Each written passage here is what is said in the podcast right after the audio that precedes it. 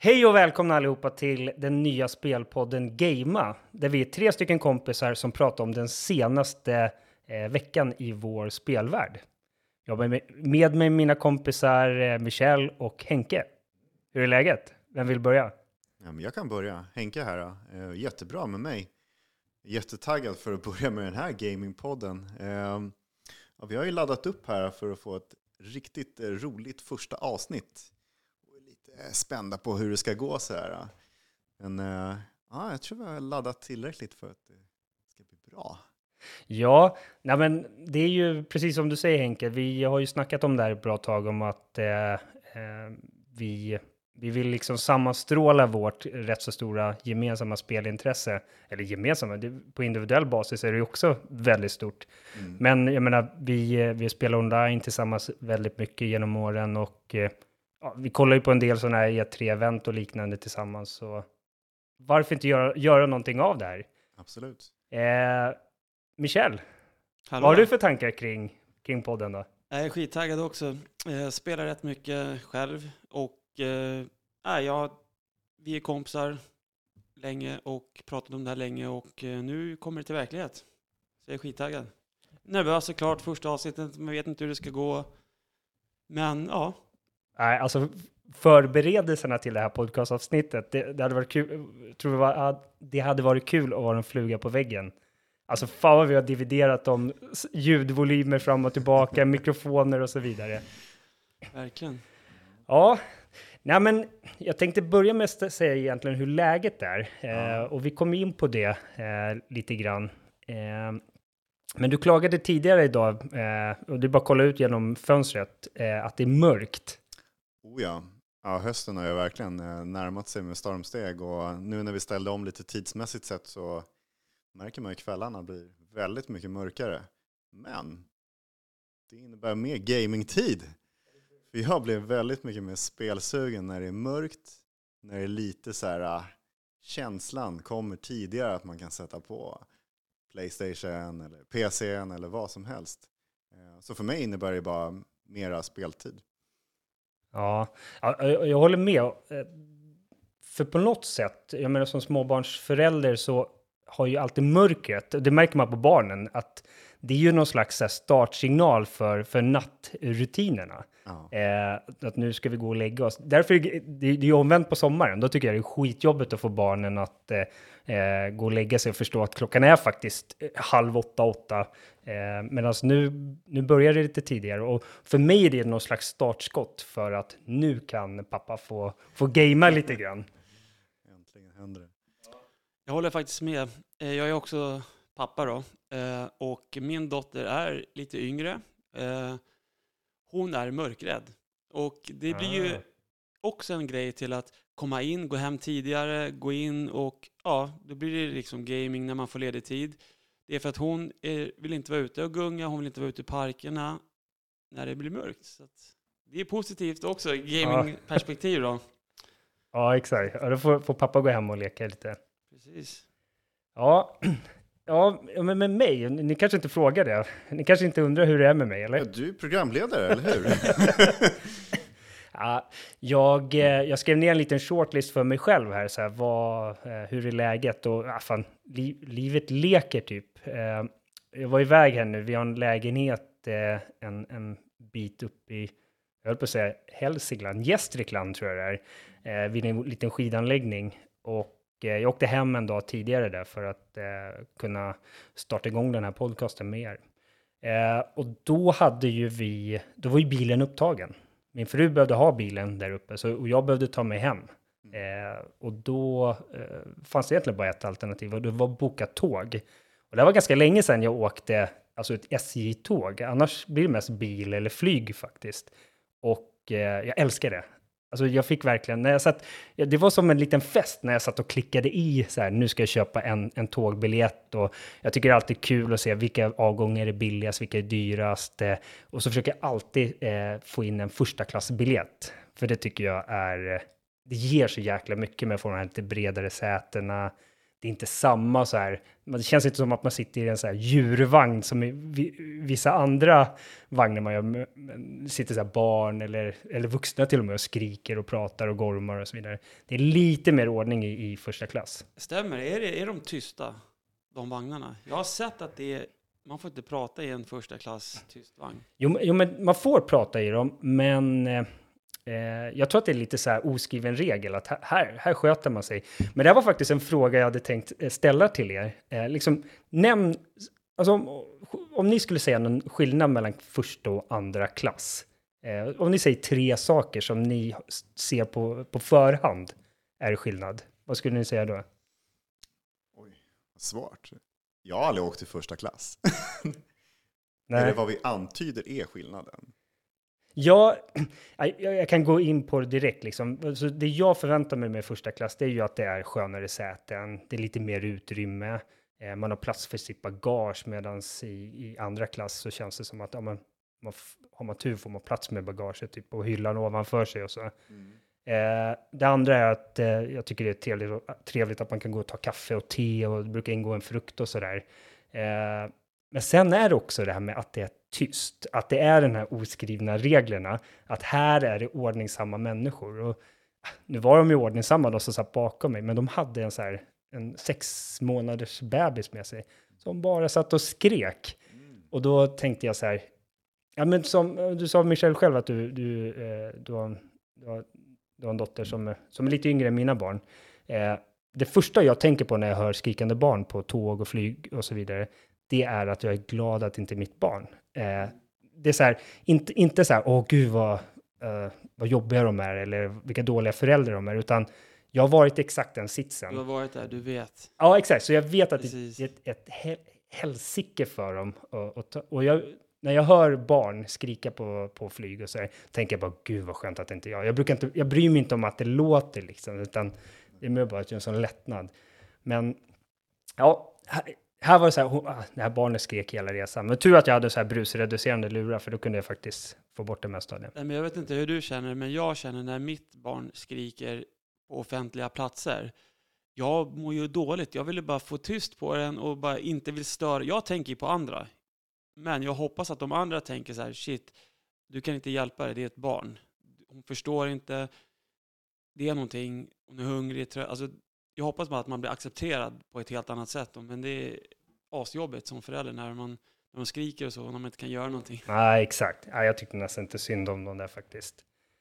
Ja, ja men vad bra. Eh, spelväg då? Vad har vi gjort sedan vi såg sist? Det här är ju avsnitt nummer ett, så vad har ni gjort sedan vi började prata om att starta den här podcasten? Ja, alltså jag, jag är ju en, en ganska mycket varje dag-spelare. Eh, vilket inte innebär att jag spelar jättemycket olika spel då, men jag har ju lite så här säsongsspelberoende kanske, att man har ett och samma spel hela tiden som man går tillbaks till.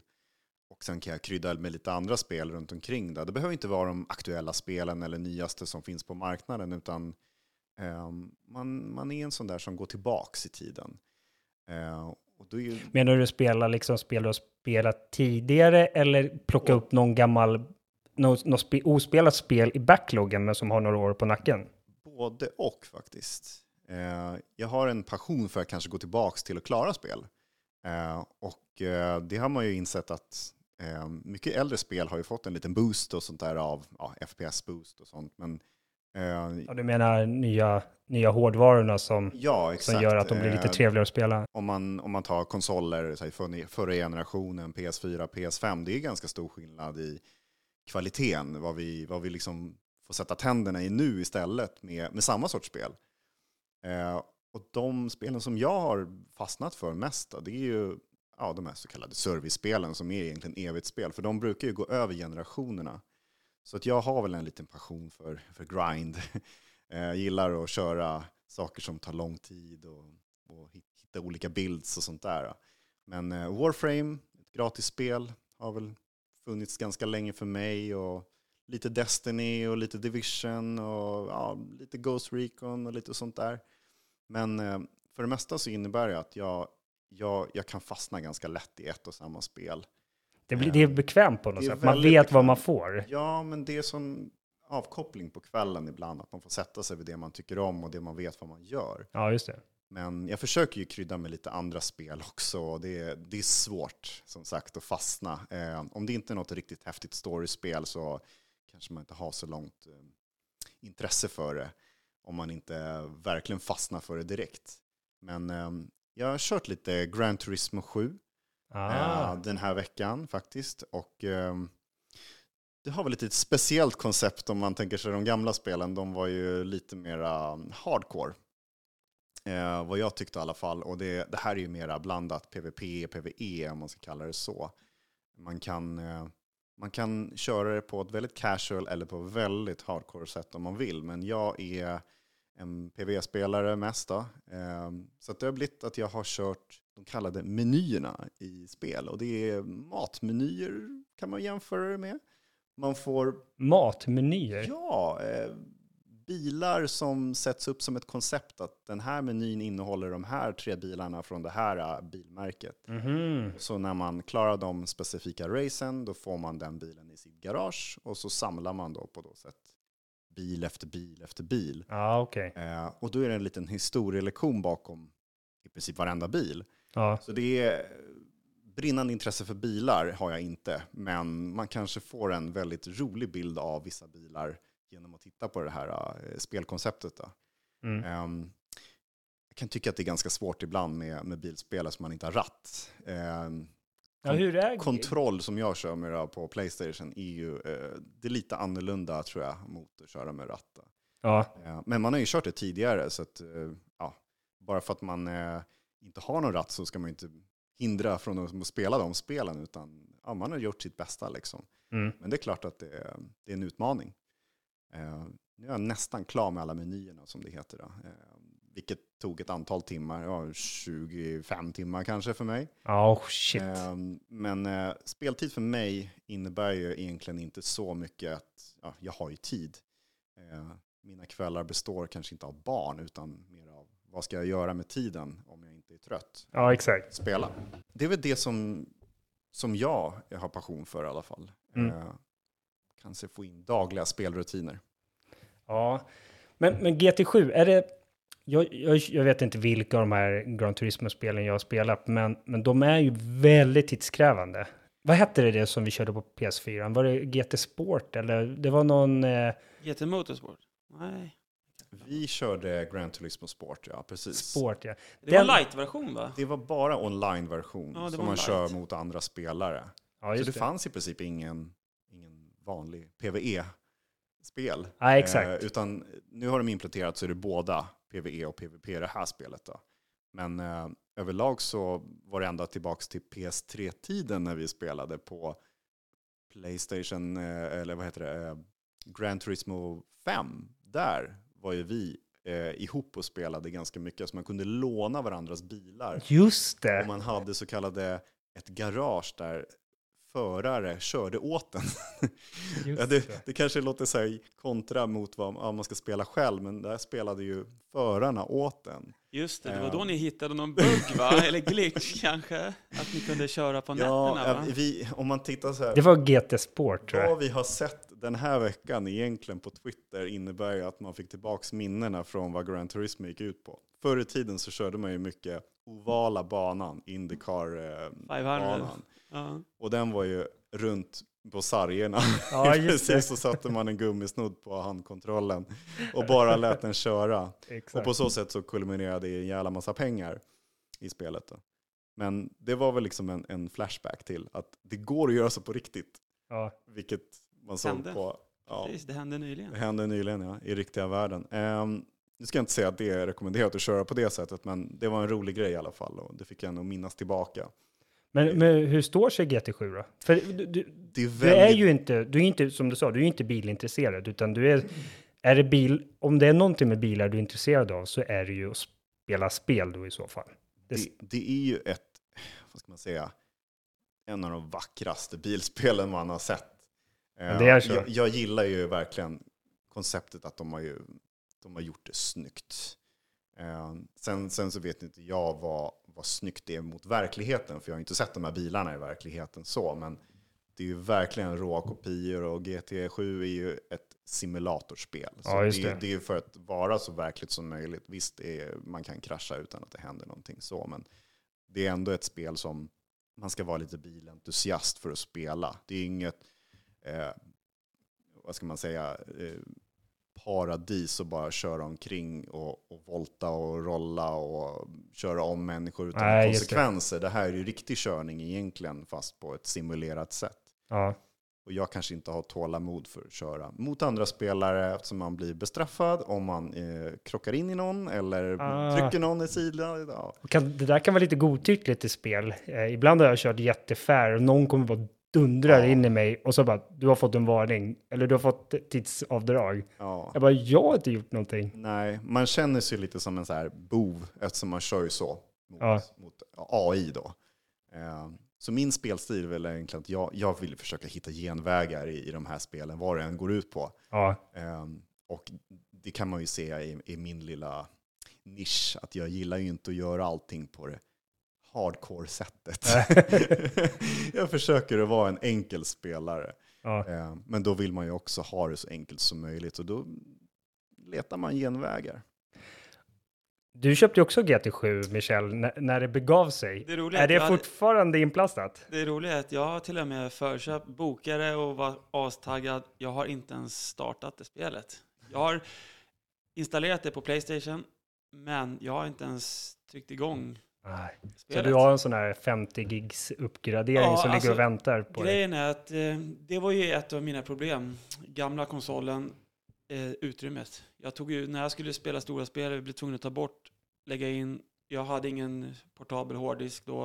Eh, så det var ju ett problem att spela stora spel och det här, de här spelen är ju väldigt, väldigt stora. Så att, eh, det var ju ett problem jag hade nu. Men nu är det lite bättre. Men som sagt, jag har inte ens startat det. Provat den. Intressant. när släpptes det? Oj, jag tror det var början i våras som man säger. Eh, jag kan inte exakta datumet, som jag spelade ju just då. Och sen så tog jag en paus och sen så har jag spelat lite grann igen. Då. Ehm, den naturliga pausen kom ju för att det var lite buggar i början. Så att eh, de har ju verkligen patchat till det och fått en jävla massa innehåll. Men det, det fick ganska bra betyg i början, va? Ja, Det, var inte så att det var Nej. eh, skralt på något sätt. Det, det var mest, eh, vad ska man säga, de patchade med prismarkeringen på bilar. Så att det var ju ett grindspel för många i början som fick kritik. Ja, Man behövde okej. köra ofantligt mycket för att kunna köpa just den här coola bilen eller de här legendariska bilarna. Det finns ju ett antal, eh, vad ska man säga, klassiska bilar att få tag på. Men har, har de höjt hur mycket pengar du får eller? Per, per race, ja. Ah, Eh, okej. Det var mycket formuleringar där som ändrades. Sen så vet inte jag exakt, eh, som jag la det på hyllan lite. Nej, men jag väntar, jag kommer tillbaka till det sen. Men eh, det är betydligt roligare nu, antar jag, för de som kommer in och är nya då. Ja, Eftersom det är lite Men lättare. De kommer ikapp helt enkelt, Ja, precis. snabbare. Man kommer nog ikapp. ja, kul. Fick du mer smak? Kommer du vilja fortsätta spela Det det? är inget spel som jag kommer, det är inget servicespel för mig som man kör vidare på. Utan jag kommer nog köra klart de här menyerna. Så jag, jag klassar det som ett single player-spel. Och sen så kommer inte jag köra så mycket mer Nej. om det inte kommer någonting riktigt kul. Ja, just det. Men det finns så mycket mer på horisonten. Kanske kan släppa en sån här A-traktor eh. Det ver- verkar vara en het eh, Eh. fråga i Sverige nu. Jag får se om de hittar några roliga, roliga koncept med att utveckla Gran Turismo. Ja, just det. Ja, men du då Michel? Blir du sugen på att starta? Det, du, du har i Alltså, alla fall kommit ett steg. Du har installerat Ja, det. jag har köpt spelet, jag har installerat det, jag har inte startat det. Eh, grejen är att jag som spelare, jag gillar ju online. Servicespel, online och jag spelar gärna mot andra spelare, så PVP. Jag blandar gärna både och. Eh, men som du säger, jag har mindre, jag är ju pappa, jag har mindre tid till att spela när jag vill. Jag har dagar jag kan lägga mycket tid på att spela och när de dagarna kommer, då spelar jag så fort jag kommer hem. Jag försöker käka innan jag kommer hem, för jag orkar inte laga mat de dagarna, för jag vill sätta mig i min fåtölj, jag har en gamingfåtölj, eh, så jag vill sätta mig och spela så mycket som möjligt de dagarna. Och jag har ju anpassat de dagarna till de spelen jag spelar med, när det är servicespel, att de resetar servers, nytt innehåll, och det är en gång i veckan, och då vill jag vara redo de dagarna att köra liksom. Så att det blir ju vissa dagar jag lägger mycket tid på, men då, då spelar jag ju sju, åtta timmar den dagen. Ja, just det. Och, Plus jobb och dotter, så det, det blir ju en lång dag för mig. och när jag ser dig spela, när jag ser att du är online och spelar, då är det nio gånger av tio så är det Destiny 2. Ja, det blir det. det, alltså det. Det här är faktiskt ett sjukt spel. Jag har spelat länge. Eh, Destiny har en jävligt rolig historia med mig. Det är att jag köpte min konsol med spelet Destiny i en bundle. Ah. Och så fick man ju två spel med i bundlet. Och då la jag undan Destiny åt sidan och körde det andra spelet. Hårt, grindade det. Och så, och så ett år efter, då tänkte jag så här, nu ska jag öppna det här spelet och ge det en chans. Och blev förälskad i det. Och det var Destiny 1. Och det var helt magisk grafik och det var skitbra menyer. Och det var så snyggt spel. Så det var mer en slump att du... Så det var eh, mer av en slump att jag hittade och sen har jag blivit hooked. Så nu spelar det jämt. Ja. Ja. Du, du kör med någon, vågar man säga klan Ja, eller alltså, guild eller vad nej, kallar man det nu för eh, tiden? Det är en klan. Man är, I det här spelet så kan man ju vara tre personer i ett fireteam, spela tillsammans. Man får ju belöningar av att spela tillsammans. Den buffar ju dig att du får ju bättre loot, du får mer pengar och du gör klara uppdrag tillsammans med varandra. Man hjälper varandra liksom. Och man kan ha tre olika karaktärer. Man kan powerlevela en karaktär om du, du spelar med en och boostar honom och så skickar du över vapen i en app, mobilen. Så man kan ju Aha. jobba väldigt enkelt i menyerna och så. Är det en officiell app eller är det någon så här uh, Pirate, Pirate Bay fast Nej, för, det, för det, Destiny? det, de har en officiell, men det, är, det finns kopior också som är ute som har förenklat det. Om, så Ah. man vill, kan man köra officiella så kan man köra andra tredjepart-appar och sådär också. För jag, jag var lite inne på det när du, Henrik, pratade om eh, GT7 här. Eh, och jag funderar på varför, varför jag inte har köpt det. För vi alla tre är ju Playstation-fantaster. Eh, eh, inte för att vi har något emot de, de andra plattformarna, men det är ju det är mest Playstation vi eh, spelar på. Och det är när, det, när, när spel känns lite för mastigt att komma in i. Man vet att när, när man installerar och kör igång där, när man vet att äh, det är nog en 30-40 timmar bort innan jag ens kan säga om det här var bra eller inte. Eh, så, så känner jag lite med GT7 och med Destiny 2. Där skulle jag säga att det skulle jag... Ja, du är ju experten på det av oss två, Michel, men jag skulle säga att en 60-80 timmar innan den typ av spel du har nu när du kör igång det. Alltså själva storyn, spelet, storyn, det, ju, det går rätt fort att Det är köra. 8-10 timmar och sånt Ja, där. det, det går rätt fort. Men grejen med det här spelet är att de lever mycket på grindet som Henrik var inne på. Att man grindar, man vap, alla vapen har olika rolls, olika perks. Varje vecka är det nya perks, nya rolls och alla vill ha de unika rollen. Så att folk spelar egentligen, det, det Får, finns får alla samma roll? vissa uppdrag har att det är samma dropp hela tiden. Så, Så som 10 spelar och får den så får alla 10 samma vapen. Precis, det är vapnet ja. Men det som är kul med det här det är att det är ganska ojämnt fördelat. Att det är bara turen som spelar in. Så att en person får, får det där droppet på två försök. Medan det sitter en kille på andra sidan världen och har gjort 700 försök. Nej, men inte så mycket. Men 100 försök och ändå inte fått det. Nej. Det är väldigt, det är ett lotto. Det, det är ett Det är ett lotto. Och det är bara en gång i veckan det här vapnet finns, eller rollen finns som man vill ha. Och det beror helt på din spelstil. Det, en guard roll är ju inte en guard roll för dig kanske. Det beror helt på. Men spelet säger att det är en guard roll för den är, de här perksen tillsammans är väldigt bra. Men den kanske inte passar din spelstil. Då är den inte bra för dig. Så att man måste liksom, varje vecka, man får kolla. Det, de lägger upp på sociala medier vad som kommer Mm. skall. Och då vet man, är det någon idé att ens spela eller inte? Ja, okej, så du får planera utifrån vad de, De säger. har ju ett level cap. Har man kommit till den level capen så behö- fin, be- finns det ingen uppdrag för dig att göra. För du har ju nått max. Ja, men du kan det. ju få de här unika droppen. Vapnena, gearet och emblemen. Det finns ju shaders, du lyser, du kan springa omkring som en julgransbelysning. Men då måste du ju klara de uppdragen också. Ja. Så här. Så det är ju... Vad kör du med för färger? Jag, jag, har faktiskt, jag har faktiskt en, en unik eh, shader som man får om man grindar ett game mode i det här spelet som jag har kört jävligt hårt på. Shader, för en som inte har spelat. Shader, det är, det är en, en, en tapet, kan Ja, man säga. Alltså, en alltså typ en skin eller? en skin, ja precis, en skin. Okej. Eh, och den här är unik för just det här eh, kategorin som jag spelar och man måste ha spelat jävligt mycket. Just den, och det är den jag har kört. Och hur är det med, jag är ju väldigt allergisk mot eh, pay to win och liknande. Hur är, hur är det i Destiny 2? Kan du förstärka dina odds? Nej, det, är- det är bara utseende och eh, eh, ornamenten är ju hur vapnen ser ut. Du kan ha ett vapen, eh, det är likadant vapen som du har fått, men du kan ändra utseende på det. Ja, okej. Eh, det är det enda, det är ju inte pay to win.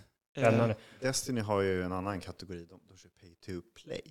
Så de har ju säsonger i princip och eh, varje ny jättestor eh, ja, uppdatering eh, en gång om året i princip. Nästan, de har kört varann två gånger om året tidigare, men då har det varit att man köper en DLC.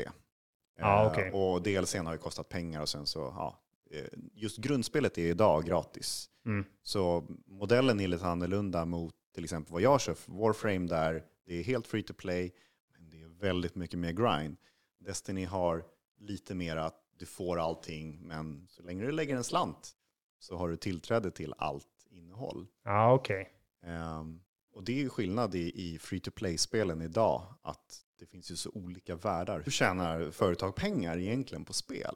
Och free to play-modellen har ju lite olika aspekter, så att eh, både det som jag spelar och det som Michel kanske spelar mest är ju lite olika.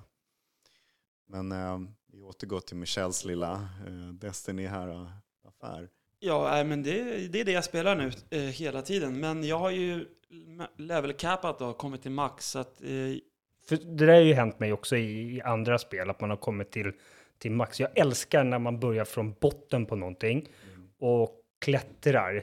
Eh, Ett, ett av mina tydligare, tydligaste exempel är ju GTA Vice City. Du börjar ju på, jag, kommer inte ihåg story, men man börjar längst ner Ja. i någon eh, näringskedja i den, i, i den kriminella världen. Sen på slutet så äger du nattklubb och jag vet inte vad du inte äger när du är klar. Ja. Eh, du, bland annat äger man ju det här stora mansionet som påminner om det här i Scarface. Men, men när man har fått allting i, i den, det typen av spel.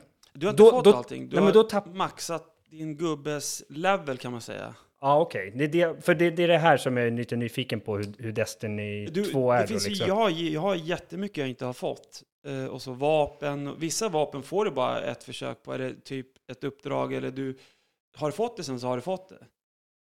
Medan reset-vapnen, det är ju gamla vapen som de har nya perks eller annorlunda perks tillsammans som ger dig buffar eller debuffs eller något sånt. Det är de man vill ha. Medan nu med när man har maxat sitt cap, då, det, nu du kan, jag har känt mig, jag har ju varit en, jag är en bekväm spelare. Jag är ingen hardcore gamer. Jag gillar att sitta tillbakalutad i min gamingfåtölj och spela med två andra gamla gubbar som inte är heller så hardcore. Vi vill ju mysspela ja. Jag är ingen proffs på något sätt som spelar Men du har investerat svåraste. väldigt mycket timmar. Jag har investerat väldigt mycket timmar. Det finns en rolig sida som man kan kolla på hur mycket timmar man har lagt och jag vågar inte gå in där. Men jag är, det, det sköna med det är att jag är inte i närheten av vad alla andra har. Så att Ja, jag, just det. på, den, på den är jag lugn på. Men jag, jag tycker jag har lagt mycket tid. Men som sagt, det finns folk som har lagt tio gånger mer tid än mig.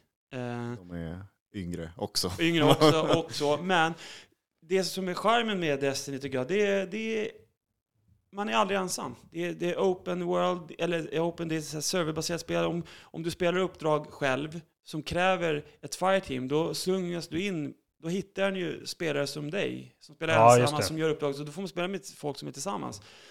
Och nu när man har uppnått max, man är nöjd med sin bild och så, det är nu jag tycker det är skönt att gå in och spela på svåraste nivån. För att nu känner jag mig bekväm. Nu, nu kan jag klara det. Förut har jag alltid gått in och trott så här, shit, jag kommer inte klara det. Men jag klarar det. Jag har Ja, varit för rädd för att misslyckas. Men det är bara på ett igen. Det är bara att köra på liksom. Ja, coolt. Så det låter som att vi kanske får en uppdatering nästa vecka då, hur, om, om du har fått något nytt ornament och ny shade. Shader, shade, shader. Skin kan man Precis. omformulera som du ville ha det. Men det är såklart mitt to-go-spel. Jag spelar ju andra spel också. Men det här är det jag lägger ner mest tid på. Ja. Andreas då? Vad kör du för någonting? Ja, alltså det, det har gått lite i vågor för mig de, eh, jag skulle säga de senaste åren, eh, hur mycket jag faktiskt har spelat. Jag, jag har nog nedprioriterat det eh, fram tills, ja, kanske i början av det här året och då, då började jag ta tag i det här intresset igen. Det livslånga intresset av att spela spel. Eh, jag, jag, känner igen mig i den här van... Eh, och i min värld så är det ju otroligt väldigt mycket sportspel. För mig är Football Manager, det, det, det är liksom mitt go-to-spel när jag sitter vid, en, eh, vid datorn. Då. Mm. och det är så himla praktiskt att det bara liksom... Det är väldigt det är bara när du är inne i en match som det, alltså det är någon progress i, i spelet. Ja. Annars måste du typ trycka på gå vidare och sen laddar den i kanske 5-10 sekunder så kommer du till nästa dag eller nästa stora händelse i spelet. Vilket gör att du kan liksom sitta och spela, sen ja, det, telefonen ringer. Ja, men då bara reser du från datorn och gör det.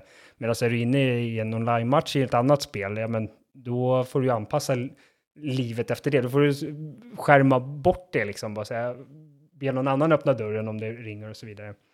Eh, så Football Manager har varit väldigt enkelt som, som förälder att eh, eh, spela. För då, det kräver liksom inte att du eh, är närvarande i spelet i varje sekund.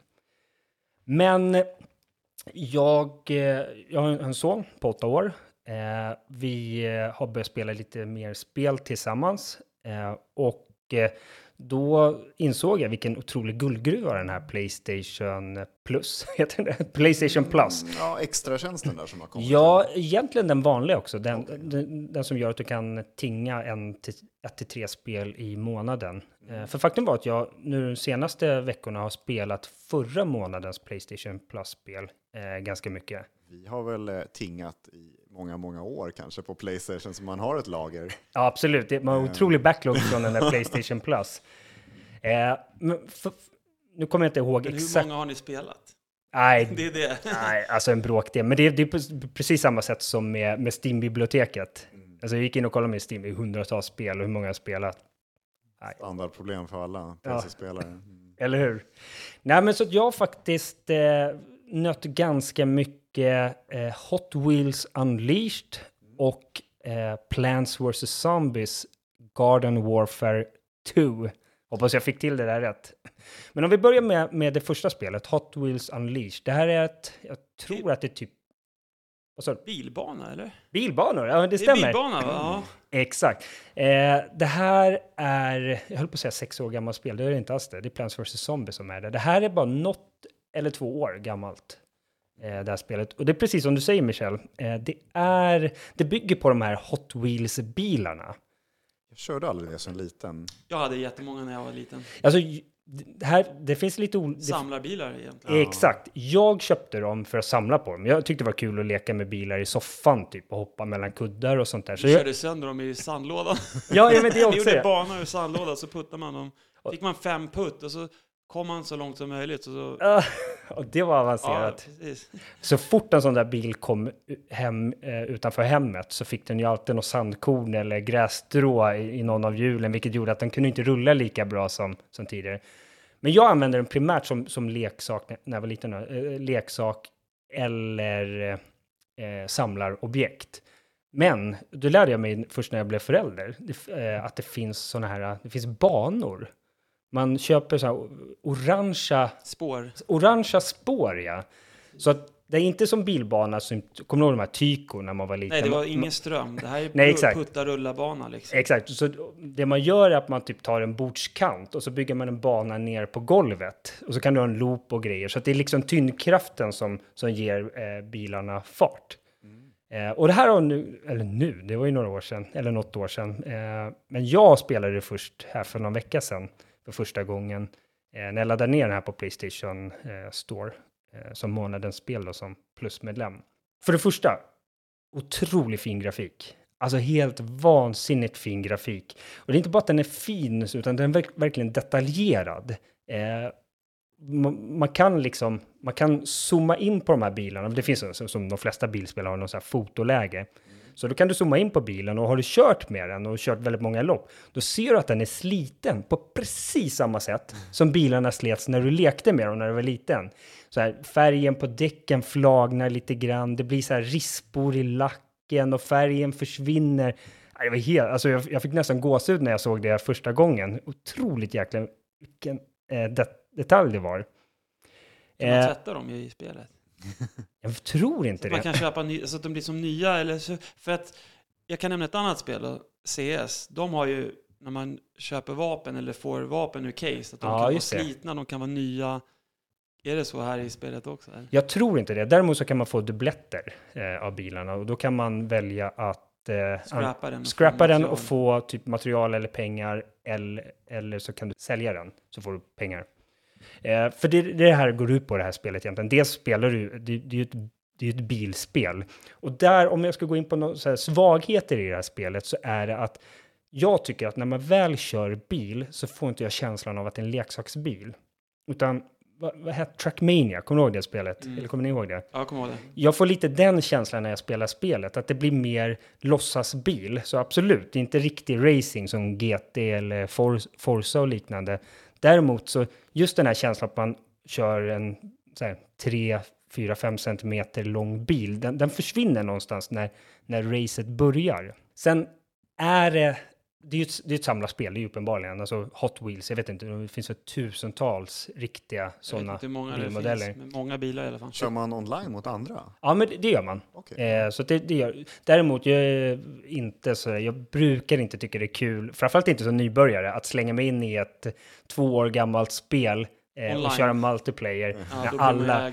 ja men precis, ja, men vi som har kört Trackmania, vi, vi vet ju hur det är, man blir ju... Eh, Men är det, det som, är det som Fall Guys, att det kommer nya företag in som ska sponsra och ge dig i gubbarna, eller ge dig skins på bilarna, typ Transformers går in och bara nu ska vi köra med Tran- Optimus Prime. jättebra fråga, och faktiskt ställer mig lite på pottkanten där. För det det finns är att det finns speciella bilar. Det finns bilar som ser ut som varmkorvar och hamburgare och jag vet inte vad. Men Liksom. de har inte köpt några rättigheter till att säga vi ska köra Spindelmannen, Batman-mobil, Batmobil och jag bara köra tror, omkring. jag tror inte jag har sett det faktiskt. Men bra fråga. Jag får, får hålla För utkik där kanske.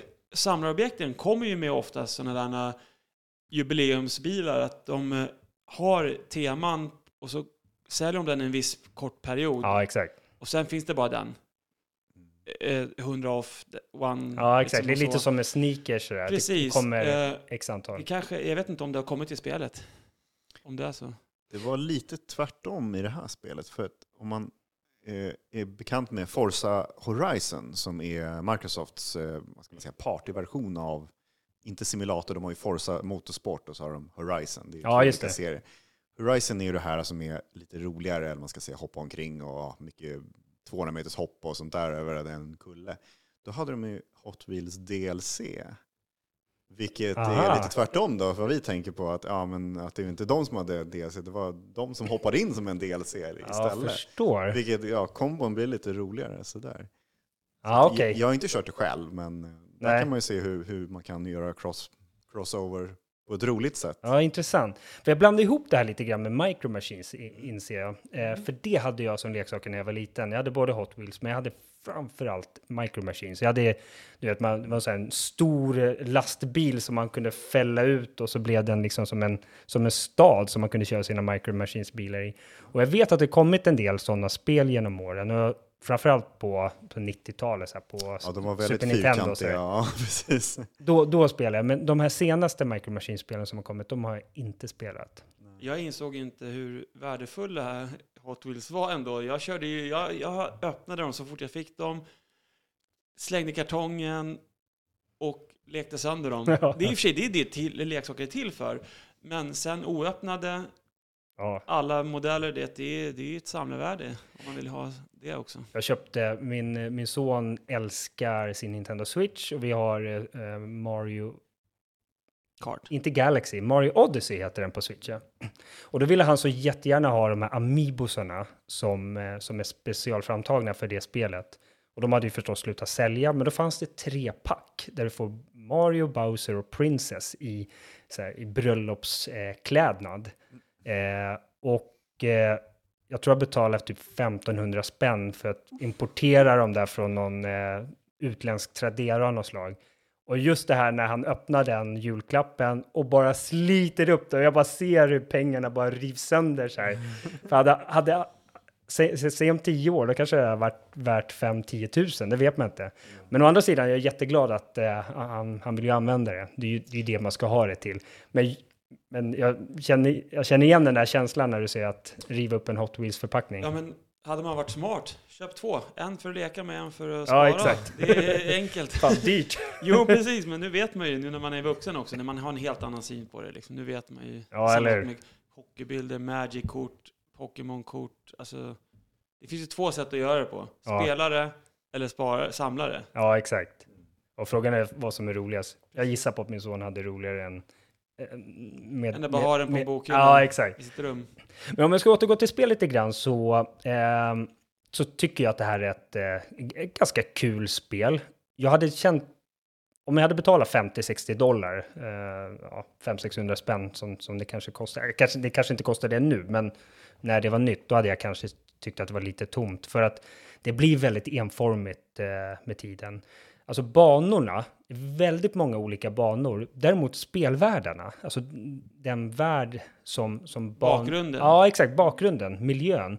Eh, den återkommer väldigt ofta, eh, vilket gör, ja, jag tycker att det blir lite enformigt. Och sen är det, det är ju väldigt platt spel. Alltså inte platt, det är ju verkligen loopar upp och ner och tur, turbos. Eh, man, man kommer in på sträckor där man har turbo. För väldigt mycket i spelet går ut på att eh, du ska använda dem, den turbo som du eh, tjänar in genom att drifta i kurvor och så vidare.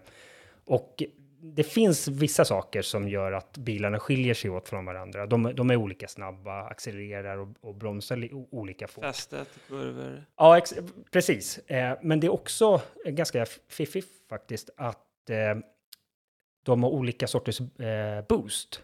Vissa bilar har en, en mätare med boost, så använder du lite boost så, anvä- så försvinner lite från mätaren. Om du an- håller in den länge, då försvinner hela stapeln. Medan vissa bilar har en boost, att de har man laddar upp tre boostar till exempel. Så trycker du på boostknappen, då använder du en. Då har du använt 33 procent av din boost. Eh, men du använder den kanske lite längre tid då. Så man får, beroende på vilken bil man kör med, får man disponera energin lite eh, på olika sätt. Det finns inga power-ups då? Raketer, Nej, olja, inte- bananskal? nej, vad tänker du på för spel då? ja, jag vet inte.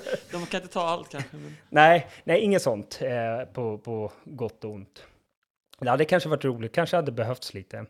Eh, men de har lite olika spellägen. De har multiplayer som jag bara tittat på, eh, alltså testkört någonting. Jag fick ju så mycket stryk så det, det var ju inget kul. Eh, men sen har de framförallt har de, alltså huvud, huvudspelet heter, något, heter City Rumble.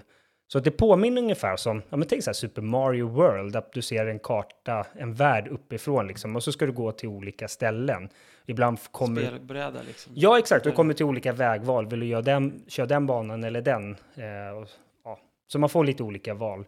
Eh, och egentligen, du, du kastas in i en... Så i, det är en story-baserad? Story. Ingen story whatsoever. Däremot så, det är progressen då. Sen är det lite beroende på vad du hamnar på för... Eh, för Vägval. ja, precis. Så är det ett, ett visst typ av lopp. Det kanske är time trial eller så är det liksom alla mot alla. Så. Men, men det är väldigt, väldigt få spellägen faktiskt. Så jag, jag tycker att det blir lite enformigt eh, med tiden. Någonting jag uppskattar däremot jättemycket i det här spelet, eh, apropå vi touchade på Mario Kart här precis, som kanske är det värsta exemplet på det, det är att det inte är någon gummibandseffekt vad jag kunde se. Alltså om jag... Om jag Alltså som, som någon som leder så kommer de andra komma ikapp ja, successivt. De så är det ju Mario Kart. Ja, Jag hatar det. Ja, utan här blir det, alltså failar jag i en kurva, eh, ibland ska man göra hopp. Eh, så hopp, det är väldigt vanligt att hoppa utanför banan då. Alltså det är svettigt att komma ikapp alltså. Det, Det finns inga svårighetsgrader i spelet? då, jo, eller? det gör det. Och eh, det här är också en av de saker jag tycker är väldigt bra. För att jag, jag tror att det fanns easy, normal och hard. Och typiskt mig, jag, jag vill inte köra easy på den här typen av spel. För då, då kan jag inte, när jag vinner eller får guld på en bana, då, eh, då tänker jag att ja, det var för att jag hade alldeles för lätt svårighetsgrad. Eh, så jag kör på normal och det är svettigt. Jag tycker det är jättesvårt. Eh, framförallt är det så att alla banor har två, eh, Vägval. Nej, de har två, vad ska man säga, eh, två nivåer av att du eh, klarar banan. Säg att du ska klara en bana på fyra minuter. Tjing, ja, men då är du klarat, då kommer du vidare. Men klarar du den på tre minuter och 30 sekunder, då får du eh, en, en bonus, alltså du får ytterligare pengar. Vilket gör att man nöter de här banorna hela tiden. Eh, och det där, alltså som, vad säger man, completionist. Eh, jag kan ju inte gå vidare förrän jag har fått eh, båda, vilket gör att det tar ju lite tid för mig. Jag kommer ju inte vidare på den här banan eh, speciellt snabbt i och med att jag kör om tills jag klarar båda challengerna. En annan, en annan sak som är väldigt bra i det är att de har en grym baneditor. Eh, och det är bara, alltså, det är det det här går ut på som, som barn med de riktiga leksakerna. Bygg en bana, alltså använd din kreativitet. Vill du ha två loopar efter varandra, gör det. Vill du ha en turbo mellan looparna, sätt in det liksom. Jätte, jag ska inte säga att det är enkelt att bygga en bana. Eh, det är en viss eh, svårighetskurva eh, att komma in i det. Men när du väl gjort det, då... Sen lägger du ut den online så kan folk spela och betygsätta. Ja, det där med betygssättning låter jag vara osagt. Det kommer jag faktiskt... För det är det Inte. man går lite på. Är den bra eller dålig? Alltså Ja, man exakt. ser en bana som någon har gjort. Ja, men jag laddade ner några av andra spelares banor. De är as... Alltså vissa av dem jag har provat är så svåra så jag fattar inte om de klarar eller inte. Om de kan klara det själva. Man ska hoppa exakt på Så är rätt det ställe. så- Trackmania ju. Folk lägger upp en bana och man bara kör vilse. Ja. jag, jag och grabben spelar lite så här Super Mario Maker eh, på Nintendon. Eh, och där har, de har ju också ett jättestort bibliotek med spelarbanor. Men där, där i alla fall måste den som har gjort banan måste först spela den och kla, kom, från start till mål och klara den. Annars får man inte ladda upp den. Det är smart. Ja, då, då, Det är bra, för då, går ju, då får man ju fram om det går eller inte. Ja, exakt. Som sagt, jag har varit inne på det lite grann. Jag tycker inte att det här kanske är eh, det mest fulländade spelet. Eh, jag eh, får, dels får jag inte den här känslan av att det är leksaksbilar, men sen det som jag tycker nästan allra jobbigast med det, det är ju att de, de vill ju kränga på mig fler bilpaket. Köp det här paketet med de här monstertruckarna, köp det här där. När man liksom är inne i, i, i det riktiga spelet, då vill jag inte påminnas om det. Och ibland filtrerar jag på att visa bara mina bilar. Ja, men då försvinner alla andra bilar i, som finns i spelet. Men däremot så listas fortfarande de som jag kan köpa i ett DLC, vilket gör att jag kan, kan liksom inte välja bort dem. Eh, Är du en sån som lockas av att köpa saker? eh, jag förstår, game? förstår inte vad du pratar om. Nej, jag har men inte jag, hört det förut heller. jag har pillat på, på de alternativen. på vissa spel att om du är i, på Playstation då, om du är på spelet och så scrollar du ner, då till och med på högersidan kan det komma upp så här erbjudande just för dig. Ja, exakt. Köp det här packet, det går, alltså för att det är, de har saknat dig eller du spelar kanske i en typ av spelstil som gör att den här bilen passar din spelstil. De vill uppmana dig att köpa. Ja, så- jag har ju sådana spel, free to play-spel som varje månad när det är en ny liksom, period för Playstation Plus, då kommer det alltid upp så här pluspaket. Ja, du får ladda ner det här för 70% rabatt. För att du är plus. Ja, just de, det. vill ju, de vill ju sälja grejer. De hittar ju på rabattsatserna känns Jag det tror att det, Liksom. där, det där får ju alla, oavsett om man är plus eller inte. Ja. Bara, de vill ju bara lura en. Liksom. men just när man så här, i de här spelen, när man, men köp det här paketet istället och så bara, du får 491% mer värde om du köper det här paketet istället för det där paketet. Man bara, men nej tack. Ja, men det andra spelet jag spelat ganska eh, mycket på sistone, eh, och faktiskt är det nog mest min son Anton som har spelat det här mest eh, den, den senaste tiden. Men eh, vi har kört en hel del tillsammans, eh, för det har nämligen split screen. Det är man inte så bortskämd med att spela har. Och det är Plants vs. Zombies Garden Warfare 2. Eh, och anledningen är egentligen att eh, Anton kom en dag och sa jag vill ha Plants vs. Zombies på iPad. Och jag bara, "Ha, okej, vet du vad det är för spel? Han bara, ja, det, min kompis har det. Så okej, då fick han installera och jag känner igen det. Det är ju ett gammalt, ett, gammal eh, IP. Eh, jag vet inte hur länge det har funnits på iPad, men bra många år. Säkert sedan iPhone Så kom. han började på iPad. Han börjar på iPad. Och då, nu är jag lite osäker faktiskt här i realtid om det är Playstation eh, Plus eller om det är EA, EA Play som jag har. Jag, tank, jag claimade det på Playstation Plus. Ja, okej. Så att det fanns nog i ditt bibliotek redan. Så gjorde det. Ja. För jag har ju även EA Play då. Ja, Eh, exakt. Ingår EAs, eh, alltså hur bra deal som helst. 250 spänn om året och så får du, du får spela förra årets Fifa och Madden och NHL. Det, för mig är det helt okej. Eh, men sen får du alla de här eh, småtitlarna som till exempel Plants vs. Zombies, eh, Need for Speed-spel, eh, vad heter Josef Fares grymma spel? It takes two. It takes two. Den, den får man med där också. Så otroligt bra deal. Men i och med att han, eh, Anton fick lite, lite smak då på Plants vs. Zombies så kom jag på, jag har ju det där. Så jag laddade ner det och så testade jag. Och så, ni vet hur det är. Eller du vet kanske. Pappa ska bara prova först. Sen, tre timmar senare så, så satt jag fortfarande och bara provade spelet. Eh, och ja, jag tror att ni kan lista ut med hjälp av namnet vad, vad det är för typ av spel. Garden Warfare 2. Jag testade faktiskt det för, ja, när jag claimade det. Ehm, Ja, jag, spelade igen, ja, jag tittade någon gång där hur mycket man har spelat och kollade, jämförde med dig där, för jag såg att du spelade det.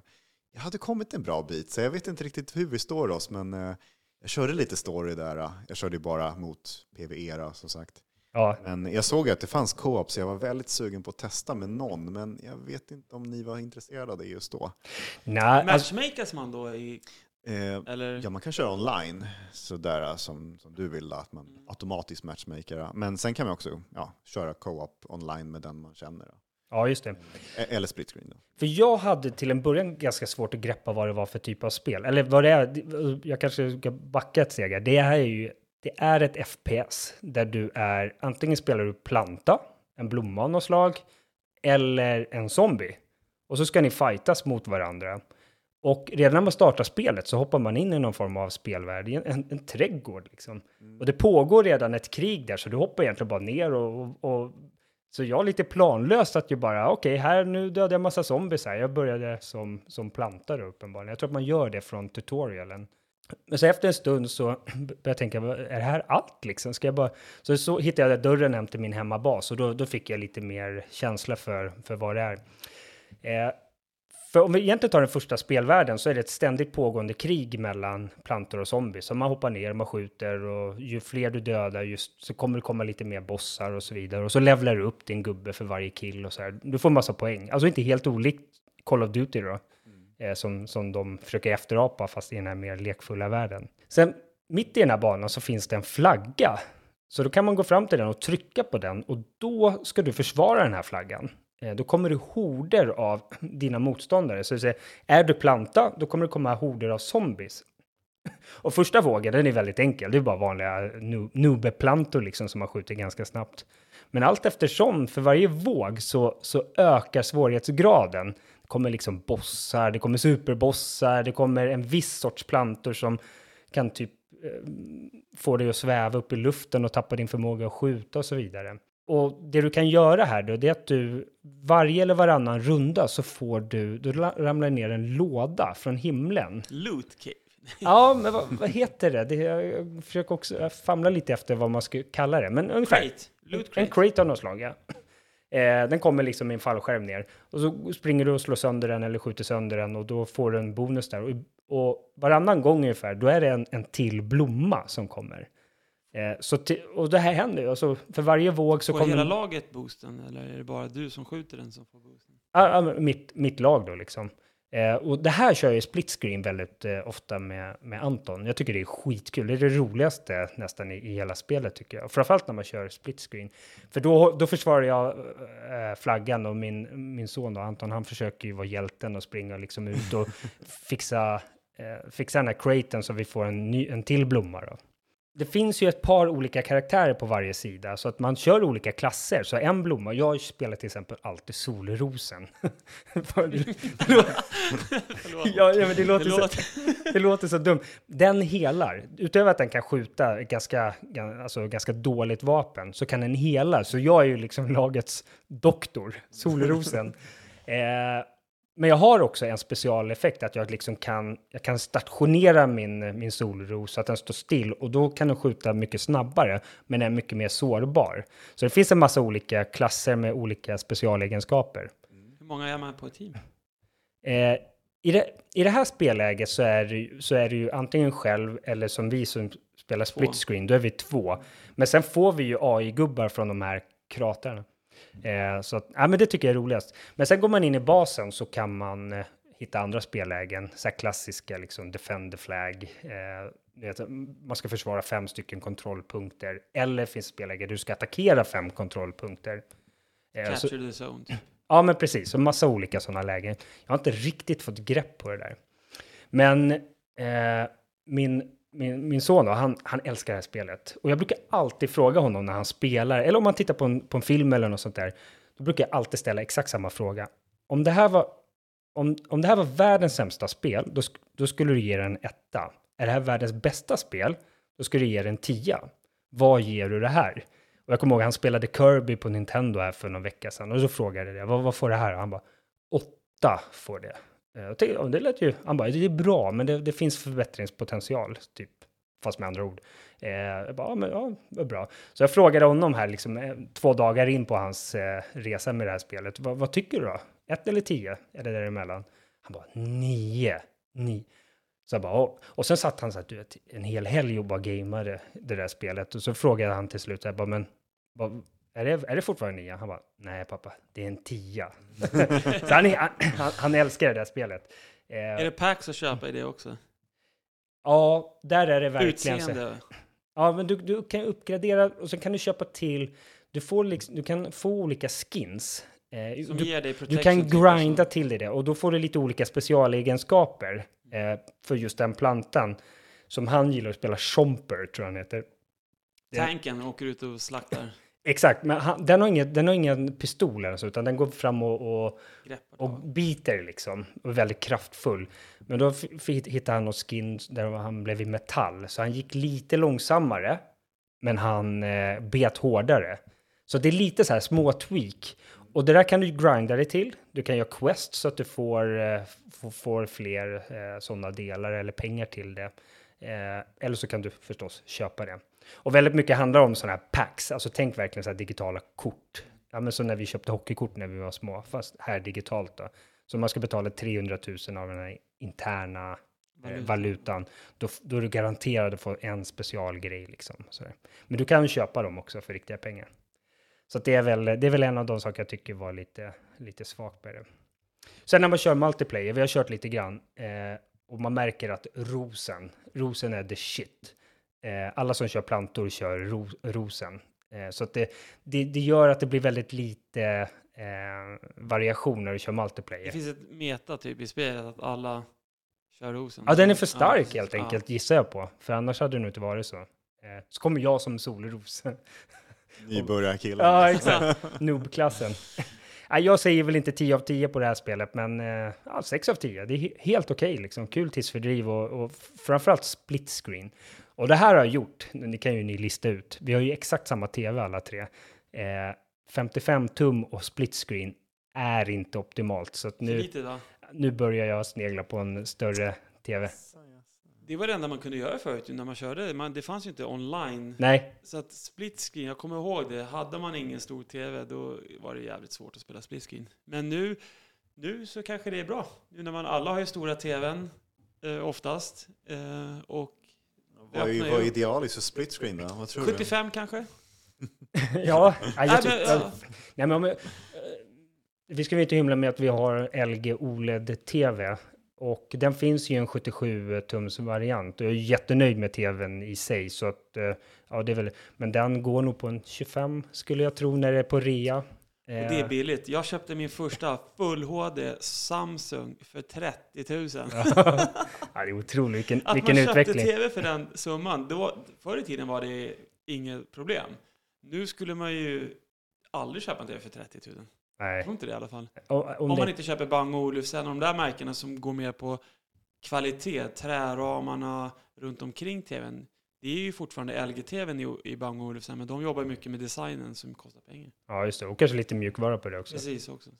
Alltså får se. Jag, jag, eh, jag såg här i, eh, i veckan så hade Elgiganten en, en TCL, eh, en 85-tummare för 15 000. Och den verkade vara, jag läste specifikationen lite snabbt, den klarar 120 hertz och så vidare. Så att, ja, det hade kanske varit någonting, men då, då var det ju inte OLED. Så ja, vi får se eh, om det blir mer split screen framöver. Precis som ni är inne på så är ju inte det. Två skärmar bredvid Jättevanligt. varandra. Ja, då måste vi köpa en, ny en till konsol Ja, också. just det, det är split. Just det. Ja, Annars så, ja, mitt, mitt eh, andra go-to-spel, jag nämnde Football Manager förut, är ju eh, MLB The Show. Jag är ju väldigt baseballintresserad. Så det enda baseballspelet värt namnet på marknaden är ju MLB The Show. Eh, och nu pågår ju det riktiga baseballslutspelet eh, där Houston Astros leder mot eh, Philadelphia Phillies med 3-2 i matcher. Men ni, ni vet när det är hockey-VM, då installerar man ju NHL-spelet. Eh, det är då man gör det, inte annars. När, det, när någonting är i ropet, då installerar och, och så är det med basebollen. Nu har ju nästan alla sportspel ett liknande läge, men det heter... The Eh, show? Nej. ja, the sh- Road to the The show. När man spelar en enda spelare och en position, sen hoppar man över alla andra grejer som händer i matchen där din spelare inte är inblandad i. Utan jag är bara med när jag slår eller en boll slås mot mig på banan. Det är det enda spelläget jag spelar. Eh, annars finns det ju så här, du kan spela en hel säsong eller du kan ha en franchise. Och Du spelar liknande. laget, då spelar du allt. Eller? Ja, exakt. Och jag har aldrig startat något sånt. Jag kör bara läget när jag är mig själv. Eh, så ja, men det har jag spelat jättemycket och det är, det, det är så. Jag har nog lite för enkla, eh, enkla Settings. settings. för jag slog hu- 100 homeruns eh, redan innan All-Star break. Rekordet är, eh, om, jag, om jag inte missminner mig, rekordet för en säsong är runt 70. Jag tror 72 eller något sånt där är rekordet på riktigt. Och nu efter en halv säsong hade jag slagit 100 homeruns. Så någon, någonting var Cheese mode. typ. Swings at the first pitch and drives it out to right center field. That ball is gone! A home run for Derek Jeter! He comes back in dramatic fashion. Ja, men det har hänt en del spännande saker nu eh, eh, den senaste tiden och när jag satt och försökte rangordna de här nyheterna så det här, de här skriverierna och händelserna kring Bayonetta 3, alltså det, det fastnade verkligen på min eh, ska man säga, snaskradar. Man tycker ju det är kul när det blir lite intriger och, och, och händelser. Eh, jag vet inte om ni har hängt med? Eh, det är Nintendo Switch-spelet, ja. Stämmer bra. ja. och eh, all, all eh, vad ska man säga, kaos kring röstskådespeleriet. Just det. Ja, men Bayonetta är ju en, en, en eh, spelserie som släpptes eh, ursprungligen eh, 2009. Då kom den till PS3 och till Xbox 360. Sen har det också släppts till PC och eh, Nintendo-maskiner efter det.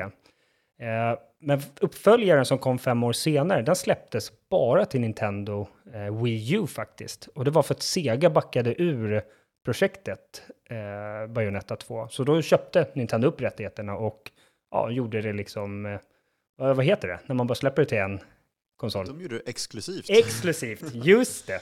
Exklusivt. Så sedan Bayonetta 2 så är det ju ett Nintendo-spel det här. Och eh, nu släpptes ganska nyligen eh, Bayonetta 3. I de två första spelen så var det en kvinna som hette Helena, med två L också, det är det jag tycker är så roligt. Helena Taylor, eh, som var Bayonettas röst. Och alla trodde ju att hon skulle vara rösten även till eh, Bayonetta 3, men, men så blev det inte. Eh, och anledningen stavas inte helt otänkbart eller vad ska man säga, oförvånat. Eh, pengar. Helena, hon ville ha pengar. Hon ville ha väldigt mycket pengar för att eh, spela in rösten till Bayonetta 3. Men eh, Som det... gjorde det gratis då till de andra eller? Ja, faktum Var var att jag... anställd eller? Ja, hon, hon är ju röstskådis, så jag har fa- faktiskt läst på lite om hur det här med röstskådespeleri fungerar och så. Och, ja, det finns en tariff liksom som är standard, att ja, beroende på vad... eh, De för roll? Ja, vad, vad, vad du har för roll, alltså säg att du ska spela in till en radioreklam eller liknande. Jag tyckte jag såg att typ i Storbritannien där, där hon är ifrån, då är typ 900 pund eller 900 dollar timmen är någon slags eh, standard. Det låter högt, men Det är nog ganska sant. så här var det i alla fall att Helen, Hel, Helena, Helena, vad säger vi? Fru Taylor, fröken Taylor. Helena Taylor, hon sa i alla fall, hon, hon släppte tre videoklipp på Twitter där hon förklarade att jag tycker att, eller förklarade, hon tyckte att vi spelare skulle ta boj, bojkotta Bayonetta 3 för att hon har blivit orättvist behandlad. Hon säger att hon har blivit erbjuden 4 000 dollar för att spela in hennes röst till det här spelet. Eh, och här, alltså, här blir det så tydligt vilken kappvändare jag är som person. Alltså om någon säger någonting, då kan jag vara så här, ja okej, ja just det, nej men det var ju inte bra. Så här. Sen kanske någon annan kommer och säger, nej men så här tycker jag, och då kan jag tycka så här, ja men det lät ju också bra. Ja, nu är jag på din sida liksom. Så att för mig är det så här, med, vi hade ju ett val här i Sverige för inte allt för länge sedan. Jag kan ju tycka det är lite jobbigt att se sådana här debatter, för att om en, sida säger, ah, bah, bah, bah, bah, då håller jag med dem. Och sen kommer nästa gubbe eller gumma och säger, bah, bah, bah, bah, bah då håller jag med den personen. Så då bara, "Ha, vem, vem ska jag rösta på? Exakt det här hände ju här. Eh, för jag tog ju hennes parti direkt. Jag bara, Bajonetta, nej det kommer jag Du aldrig. var ju inte ensam om att ta hennes parti heller. Nej, Det var det- ju i princip hela Twitter-communityn som sitter och läser om just det här spelet. Ja, men det här var verkligen en lärdom för väldigt många tror jag. För precis som du säger Henke, så folk ville verkligen bojkotta spelet utifrån det här. Hur kan man vilja betala en, alltså huvudpersonens röst bara 4 000 dollar? Eh, men det visade sig att det var ju inte riktigt så. Eh, nu kommer jag faktiskt inte ihåg exakt de här eh, summorna eh, som hon faktiskt blev erbjuden. Men det var bra mycket mer pengar än så. Eh, jag tyckte jag läste någonstans att det var 4 000 dollar per session och att det skulle vara x antal sessioner. Vilket jag tror att det någonstans skulle hamna mellan 15 till 20 000 dollar hon skulle få för att spela in. Det vill säga många gånger fler än de 4 000 hon sa att det var. Eh, och då var det den här eh, speljournalisten Jason Schreier eh, på Bloomberg som eh, släppte en artikel där han sa liksom, nej men det stämmer ju inte, det Helena Taylor säger. Hon har blivit erbjuden de här pengarna. Och då fick ju hon gå ut och ja, typ, Försvara ja, dement, ja, dementera sig själv. Typ så här. Nej, men alltså, det var inte så jag menade. Om ni, om ni trodde det så ja, då är det helt och hållet ert fel. Typ. Någonting åt det hållet. Eh, det visar sig att hon, hon har blivit e-, erbjuden ganska mycket pengar för att spela in den här rösten. Men hon, vilket framgår av de här klippen hon laddat upp, hon, hon vill ju ha extremt mycket mer pengar än vad de erbjöd. Hon säger ju till exempel att hon, eh, eh, hon är en del av hela det här franchiset som är värt 450 miljoner dollar. Och eh, Jag tycker hon är mer värd. hon tycker att hon ska ha mycket mer Ja. mycket mer pengar. Så hon har ju bettat på sig själv här liksom att jag, nu går jag ut lite hårt här eh, mot eh, eh, Platinum Games då som, som gör spelet eh, och säger nej, jag är värd det här. Och det tyckte inte Platinum Games så de vände sig till en, till en annan röstskådespelare, Jennifer Hale har jag för mig att hon hette. Eh, och när hon inte hade hört någonting på nästan ett år eh, så fick hon ett erbjudande att eh, komma in och göra cameo istället. Det var ju det hon blev erbjuden 4 000 dollar för. Jennifer Hale skulle göra huvudrösten, men Helena Taylor skulle komma in och göra en, eh, en cameo. Och det skulle hon bli erbjuden 4 000 dollar. Och då blev ju hon skitsur. Det var ju då hon gick ut och skrev på Twitter att eh, bojkotta det här spelet. Så hon skulle bli tagen huvudrollen kan man säga. Och bli en Ja, sidekick. och det här är ju intressant, för det här är lite, jag tänkte bolla lite frågor med er här. Eh, vad, vad hade ni gjort? Alltså om ni hade varit röst till huvudperson i ett spel, hade ni försökt göra som Helena här? Enligt mig själv så är man ju inte exklusiv kanske för en franchise genom att man har en röst. Utan det finns ju många andra filmer och serier och vad som helst som har ersatt eh, just de här topprollerna med en kopia. Vi tänker på kanske Transformers. Eh, Optimus Prime har ja, kopierats otaliga gånger av andra röstskådespelare, vilket kanske inte är så populärt. Men eh, man är ju aldrig unik på det sättet att man aldrig kan ersättas, utan det finns ju alltid någon annan som kan härma en. Ehm, och eh, ställer man, eh, ställer man sig på tvären så kommer det bli konsekvenser troligtvis och då tar någon annan pengarna. Så man är nog aldrig liksom exklusiv för att du ska ha den här rollen.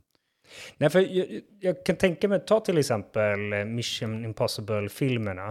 Eh, alltså där är ju Tom Cruise är ju, eh, han är ju en viktig del. Han, han är ju ansiktet för den typen av, eh, eh, eller för den eh, filmserien. Och det finns ju massa liknande exempel.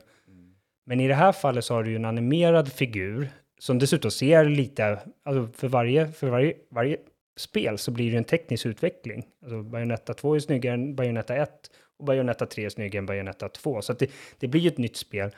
Och hur många skulle egentligen känna igen att det var olika röster? Det är klart att det finns puritaner som bara, men stopp, vänta, det där är inte bajonetta. Eller, det här är... skapar väl en bild av rösten. Jag tror att det är väl det också, att de låter på ett speciellt sätt till en figur och då skapar man egen fantasi hur hon ser ut och så, karaktär. Och hon blir populär, hennes namn och hon har kanske bra Instagram. Hon, hon blir större och vill ha mer betalt. Medan spelet ska ju ge henne så lite som möjligt, för de vill ju tjäna så mycket som möjligt. Så det, det blir liksom, hon vill tjäna mer för hon har blivit större. Men det, som du säger, det går ju lätt att få hitta en röst Mm. som inte har den storhetsvansinne som hon har fått, säkert som vill ha mycket betalt. Jag vet inte. Samtidigt så kan jag inte tycka att, eller jag tycker att 20 000 dollar, om det nu var, men det är runt de pengarna som det eh, landade på. Hon skrev ju ett brev på japanska till, till eh, Hideki Kemeya, han som har, eh, ta, ta mig inte på det här japanska uttalet vad han heter, men hon skrev ett brev på japanska till honom och sa jag brinner för den här rollen. Jag hoppas att ni värdesätter eh, mina insatser och vill ha kvar mig som röst. Och då fick hon ju 5 000 mer dollar. De sockrade kontraktet med 5 000 ytterligare dollar för att hon skulle ta det då. Men hon tackade ju fortfarande nej och det var ju då kontakten dog mellan dem. För då fattade ju Platinum Games att nej men det här, vi kommer inte att möta, hon vill ha så pass mycket mer. Och, och om jag förstod någon rapport rätt så vill ju hon ha mer än 100 000 dollar. Men bero, lite beroende på den här diskussionen vi hade, hur viktig den här rösten är eller inte. Jag kan fortfarande tycka 20 000 dollar inte är så mycket pengar. Jag kan inte undgå att känna att det är ganska lite pengar. Det är två, 250 000 svenska kronor. Det, och efter skatt och så vidare, jag menar, vad får hon ut av det? 100-150 000. Och det är kanske hennes fetaste jobb. Någonstans kan jag känna så här att ja, hon kanske, kanske skulle ha en miljon kronor. Men om man går tillbaka till 900 dollar som är satt som standard, varför ska hon ha mer? För röstrollen, alltså röst, det jobbet hon gör, kan ju egentligen vem som helst göra, eller? Uppenbarligen så är det nog så. Och det, det är nog säkert rätt. Det är ju så Platinum Games har, har eh, behandlat frågan. Liksom. Vi, tar, vi tar någon annan som gör det för de pengarna vi tycker att det, är borde värt. kosta. Ja. Hon, hon övervärderade eh, nog hela, hela franchisen lite för mycket. Eh, när hon, hon nämnde ju det där 450 miljoner dollar. Eh, och då räknar hon nog bara på att ett spel kostar så här och så här mycket. Och värdet har inte minskat någonstans. Jo, det är klart att ett spel minskar i värde. Så när man tänker på hur mycket det har sålt, då räknar hon bara eh, si och så många kopior, si och så mycket dollar per styck. Och den summan blev Ja, tänkte sig fram till att ja, den här har ju cashat in så mycket pengar. Nu tänker man ju inte på det sättet inom spelvärlden, så ett spel förlorar ju värde efter ett halvår så är det nere liksom på halva summan. Så att, eh, hon hade väl lite en sned bild av hur mycket egentligen Bayonetta-franchisen kanske är värd. Därför kanske hon blev lite så här sned när hon såg den där summan och bara jag är värd mer pengar. ja, men så är det nog.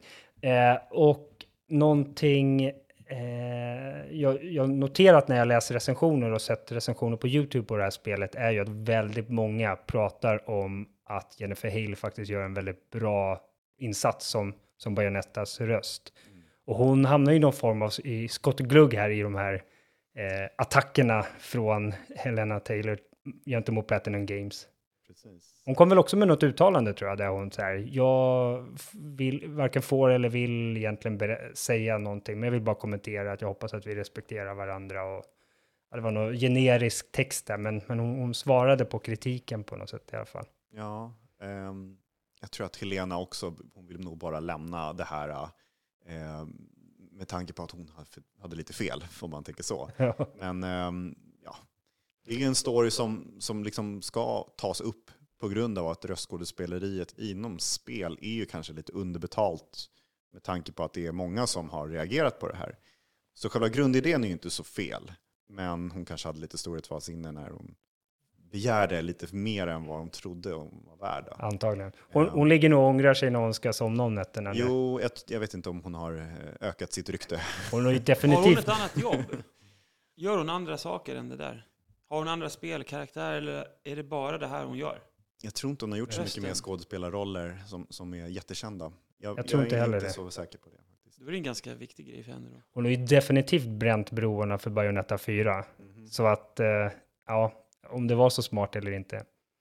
Men eh, jag såg att det hade fått knappa 90 på Metacritic, eh, Bayonetta. Mm. Eh, så, ja, nu har ju inte, jag vet att ni inte har några Nintendo Switch, så jag antar att det här är inte något spel ni kommer Nej, det är ju ett hack and slash-spel egentligen i grunden som man, man ser ju att det är ett, ett roligt spel kanske så, men eh, jag, jag har aldrig spelat Bayonetta-spelen. Jag kan inte säga att jag någonsin kommer göra det heller. Som Nej. har en, Striderna Switch. ser, eh, striderna ser riktigt fräna ut faktiskt. och det är stora bossar Ja. och det är häftiga spektakel. Man kan göra någon summon själv liksom och få ut en stor, eh, stort monster, men då är du extra sårbar när du gör det. Ja. Så riktigt coolt ut. Jag tänkte på ett spel som kom till Playstation 3 tror jag. Varje gång jag ser Bayonetta tänker jag på det. Hette inte det typ något så här Heavenly Sword eller något sånt där? Man var en kvinna med ett jättestort svärd och och för mig man en stor röd kalufs. Jag blandar alltid ihop de här i alla fall. Kan nog stämma. Eh, jag har inte så mycket minnen av just de Nej, spelen på den var- tiden. det kanske var PS4 till och med. Jag kommer inte ihåg. Jag är inte heller riktigt förtjust i den här typen av spel. Men imponerande att de kan få ut den här typen av eh, grafik på, på Nintendo Switch. Absolut. It seems I'm unfashionably late, but I'm ready to give you everything you want.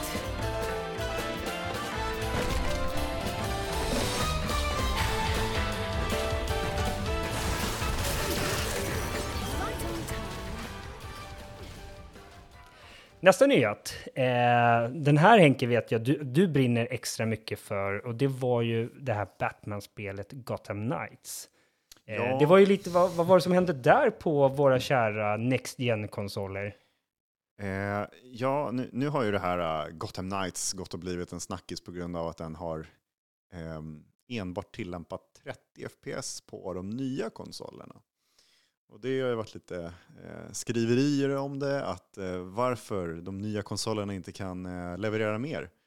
60 FPS är väl en eh, standard idag för många spel och ehm, ja, de hade ju lite åsikter själva att säga tillbaks till eh, publiken om man säger så att eh, ja, vi kan inte leverera på den nivån på grund av att det är ett öppen världsspel som kräver eh, co-op-aspekter och eh, alla möjliga konstiga saker som ska samarbeta. Så vi kommer inte att patcha in ett performance mode, vilket är ganska vanligt idag.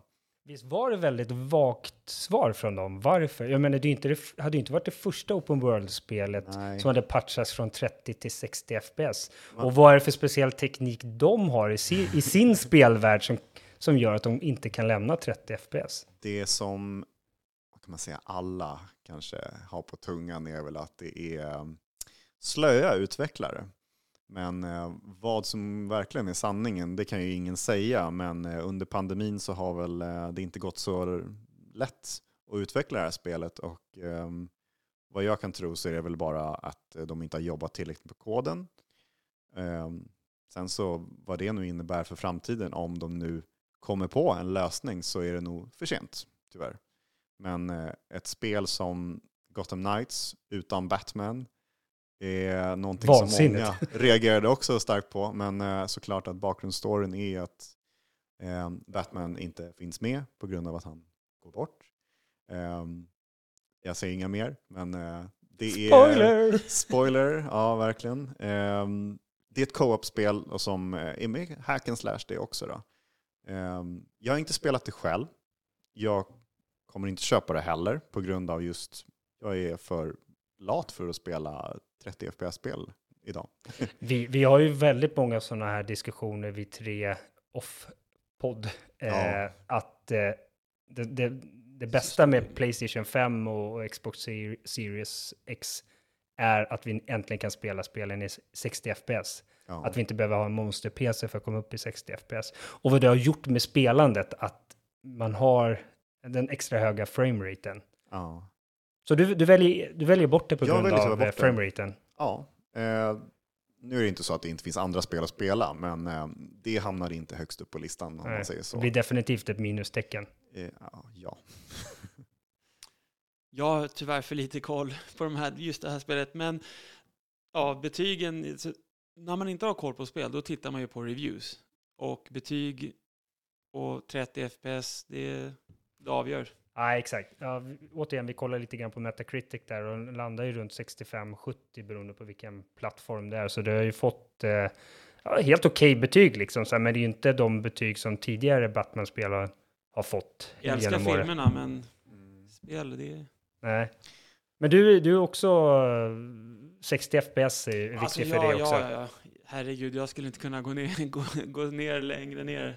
Det, man har satt en ribba nu. Jag tycker att eh, tillverkar man ett spel till en konsol så borde man i alla fall leverera den vad den konsolen klarar av, minimum. Ja. Alltså 60 FPS. Eller den klarar ju mindre såklart, men det blir ju sämre spel. Men lägg gränsen där. Och sen jobbar du efter det. Jag tycker det är det man kan kräva av ett spel om man ska köpa det för 600-700 spänn nu. Ja, verkligen. Och med den hårdvaran där. För det som är speciellt här är ju att det här inte, det kommer ju inte över, överhuvudtaget till Playstation 4 eller eh, eh, tidigare Xbox. Nej, exakt. konsol. Nej, då borde man ju Utan det kräva är- lite mer av Ja, spelet. det är bara ett Next Gen-spel liksom på konsol. Ja, det är det som är lite speciellt. Då. Och vi kommer faktiskt in på eh, nästa heta potatis i dubbel bemärkelse. Eh, det är Xbox Series S som blev kallad just för en potatis. Och det var ju de här efterdyningarna av Gotham Knights eh, diskussionerna och 30 FPS där en utvecklare, Lee DeVonald, han är Senior Character Technical Artist på Rocksteady. Han skrev på Twitter att eh, grafikchippet i eh, eh, Xbox Series S, alltså den billigare, den enklare varianten av Xbox Next gen. Kon eh, konsoler. det är en otroligt stor flaskhals för utvecklare. Eh, och när man utvecklar ett spel eh, så måste man anpassa sig efter den svagaste länken. I det här fallet så är det eh, Series S. Så nu har ju inte, har inte Gotham Knights utvecklarna själva sagt att det är Series S som är anledningen, utan de var ju som vi sa lite vaga i, i beskrivningen av varför de inte kan göra en performance mode på det. Ja, exakt. Utan det här är ju en, en annan utvecklare som, som har påpekat det. Och det han sa, han avslutade sin rant på Twitter med att säga att eh, en hel generation spel hålls tillbaka av den här potatisen. Vilket favorituttryck, va? Otroligt. Ehm, vad ska man säga? Ja, ehm, Series S, vad har den för nackdelar? Den, eh, den sägs ju bara ha mindre minne. Och sen är det samma, rätt så samma i alla fall, på de mesta andra aspekterna. Ehm, vad- jag kan se så borde inte det innebära så jättestora eh, följder utan att de kan skala ner spel som de säger själva. Men ehm, om nu utvecklare börjar att hacka på den saken så är det väl någonting som det kanske stämmer med, jag vet inte. Men sen ser man ju å andra sidan, vissa spel kan leverera 120 FPS på just Series S. Exakt. Och, och då menas det väl att då är det någon som är slö i utvecklingen istället och inte kan koda på rätt sätt när man väl kan koda sådana höga frames eller sådana spel på, på Series S just. Jag har ju faktiskt varit en spekulant på, på Sirius S. Jag, när, de, när de kom eh, så tänkte jag att nej, men jag ska nog slå till på en sån. Det jag kommer ihåg, det var att när man pratade teraflops, det här är ju någonting som eh, grafikkortsnördar eh, och tekniknördar generellt tycker om att kolla på, eh, så såg man att det skilde väldigt mycket mellan Sirius S och Sirius X. Så det är någonting förmodligen med GPUn, alltså grafikchippet, som också skiljer, skiljer dem åt. Men, men den var ju väldigt hyllad när den kom, för det var, jag kommer ihåg att den fick typ eh, epitetet typ bästa, bästa retromaskinen och så vidare. Man menar att det fanns en hel backlog av gamla Xbox-spel som man nu kunde spela på en mycket bättre hårdvara. Och eh, min eh, syn på det är att den är nog passé, den här maskinen. Alltså det, det man ska veta är ju att PC, PC Master Race, de tycker ju att PS5 och, och eh, Sirius X är för svaga. Att de håller tillbaka PC-spelens potential. Och då blanda in den här Sirius S i den här kortleken. Att spel ska stödja den också. Det försvårar nog, så jag fattar att utvecklarna inte är supertaggade på att behöva utveckla till den och ta hänsyn till den. Och jag är nog ganska glad att jag inte köpte den, för jag, inte utifrån de här kommentarerna kanske, men jag tror att vi kommer komma till en dag där Sirius S kommer att pensioneras tidigare än Sirius X. Den har ju fått väldigt mycket lovord av många. ehm, och just att den är så billig. Om man Ja. jämför med de, de eh, ja, elitversionerna om man säger så. Ehm, men Xbox har ju också gått ut rätt nyligen och sagt att de har eh, i princip gå med förlust på flera hundra dollar på just de här konsolerna. Så att subventionera konsoler har ju varit deras grej för att liksom få in spelare till Game Pass och Ja, till deras liksom, plattform.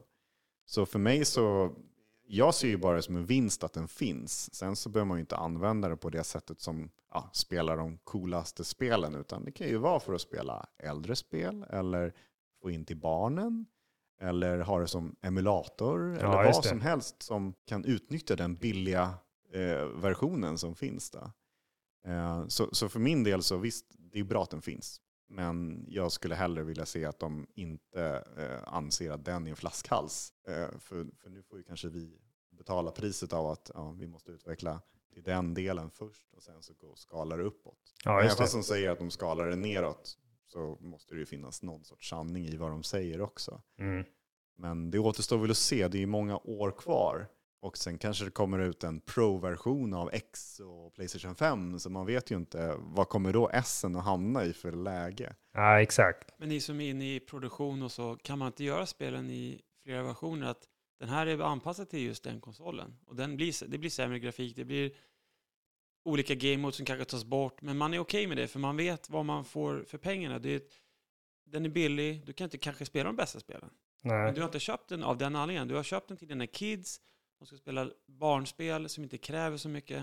Vi har ju alla spelat eh, datorspel genom åren och där, har vi ju, där är vi ju vana med att liksom, vad, vill, vill jag ultragrafik eller vill jag ha normal eller det där har ju varit en ganska stor tabu på, på konsolspel. Vi har ju aldrig pratat om lägen, bra eller dålig grafik, hög eller låg framerate förrän nu då när vi fick eh, PS5 och Series 6. Då började vi få in de här alternativen. Och det skulle, jag menar, vi har gjort så här i urminnes tider på, på PC, att man har olika, alltså beroende på din hårdvara så kan, så vissa val är ju inte tillgängliga ens om ditt grafikkort inte klarar RTX till exempel, men då kan du inte välja raytracing i att du vill se det. Eh, så att det var no, du nämnde Henke att eh, de hade fått lite skit för att de kanske, eller många tycker att de är lata programmerare och det kan nog vara in, bara Men det kanske har med, man kan inte säga lata, just med covid. De kanske hade personalbrist. Alla blir sjuka. Fick de, får, annat, ja. de, får inte, de får inte ha så många som de kanske är, 500 pers på kontoret. De kanske drar ner på halvskal. Då, då finns inte tiden till. Nej. Kanske det är en anledning också till spelutveckling. jobba hemifrån är ju garanterat en, det är en tidsfaktor som innebär att man inte kan samarbeta lika snabbt. Det kan ju också Så- vara en anledning som man kanske inte vill prata om, för det har ju hänt i hela världen. Liksom. Alla har covid och den kanske man inte ja, pratar öppet om. Det är också, Nej. kan vara ett problem som de kanske har i bakfickan också. Som, Ja, så kan det vara. Ja, det har ju slagit olika för olika studios i så fall. Eh, så för min del så tänker man, ja men vissa är bättre på att samarbeta, eller hur funkar det? Ja. Så kan det ju vara. Men eh, ja, det finns ju många studier som är AAA och släpper spel här under hösten som är väldigt snygga och väldigt effektiva på att klara av just högre FPS eller vad det nu kan vara för någonting. Så att jag tror inte problemet ligger där, det är nog bara att de kanske inte är lika effektiva på just kodningen. Vi får se vad det innebär i framtiden. Men, men just det här ämnet har ju blivit en snackis då med just det här spelet och flera andra som kanske hamnar i 30 FPS-träsket. Att det, det ska inte vara så. Man tycker ju inte det. Det Nej. passar inte in på sådana här reaktionssnabba spel. Och det är därför det blir sån ja, puck att prata om. Liksom. ja, Ja. med tanke på att andra spel klarar och de här Ja. klarar inte. Och ja, då är det ju brist. Ja. Någonstans är det brist igen. Då kanske de inte har så nytta av den här uh, nya Elite-kontrollen då som, som eh, Playstation ska släppa, eller Sony då ska släppa till Playstation.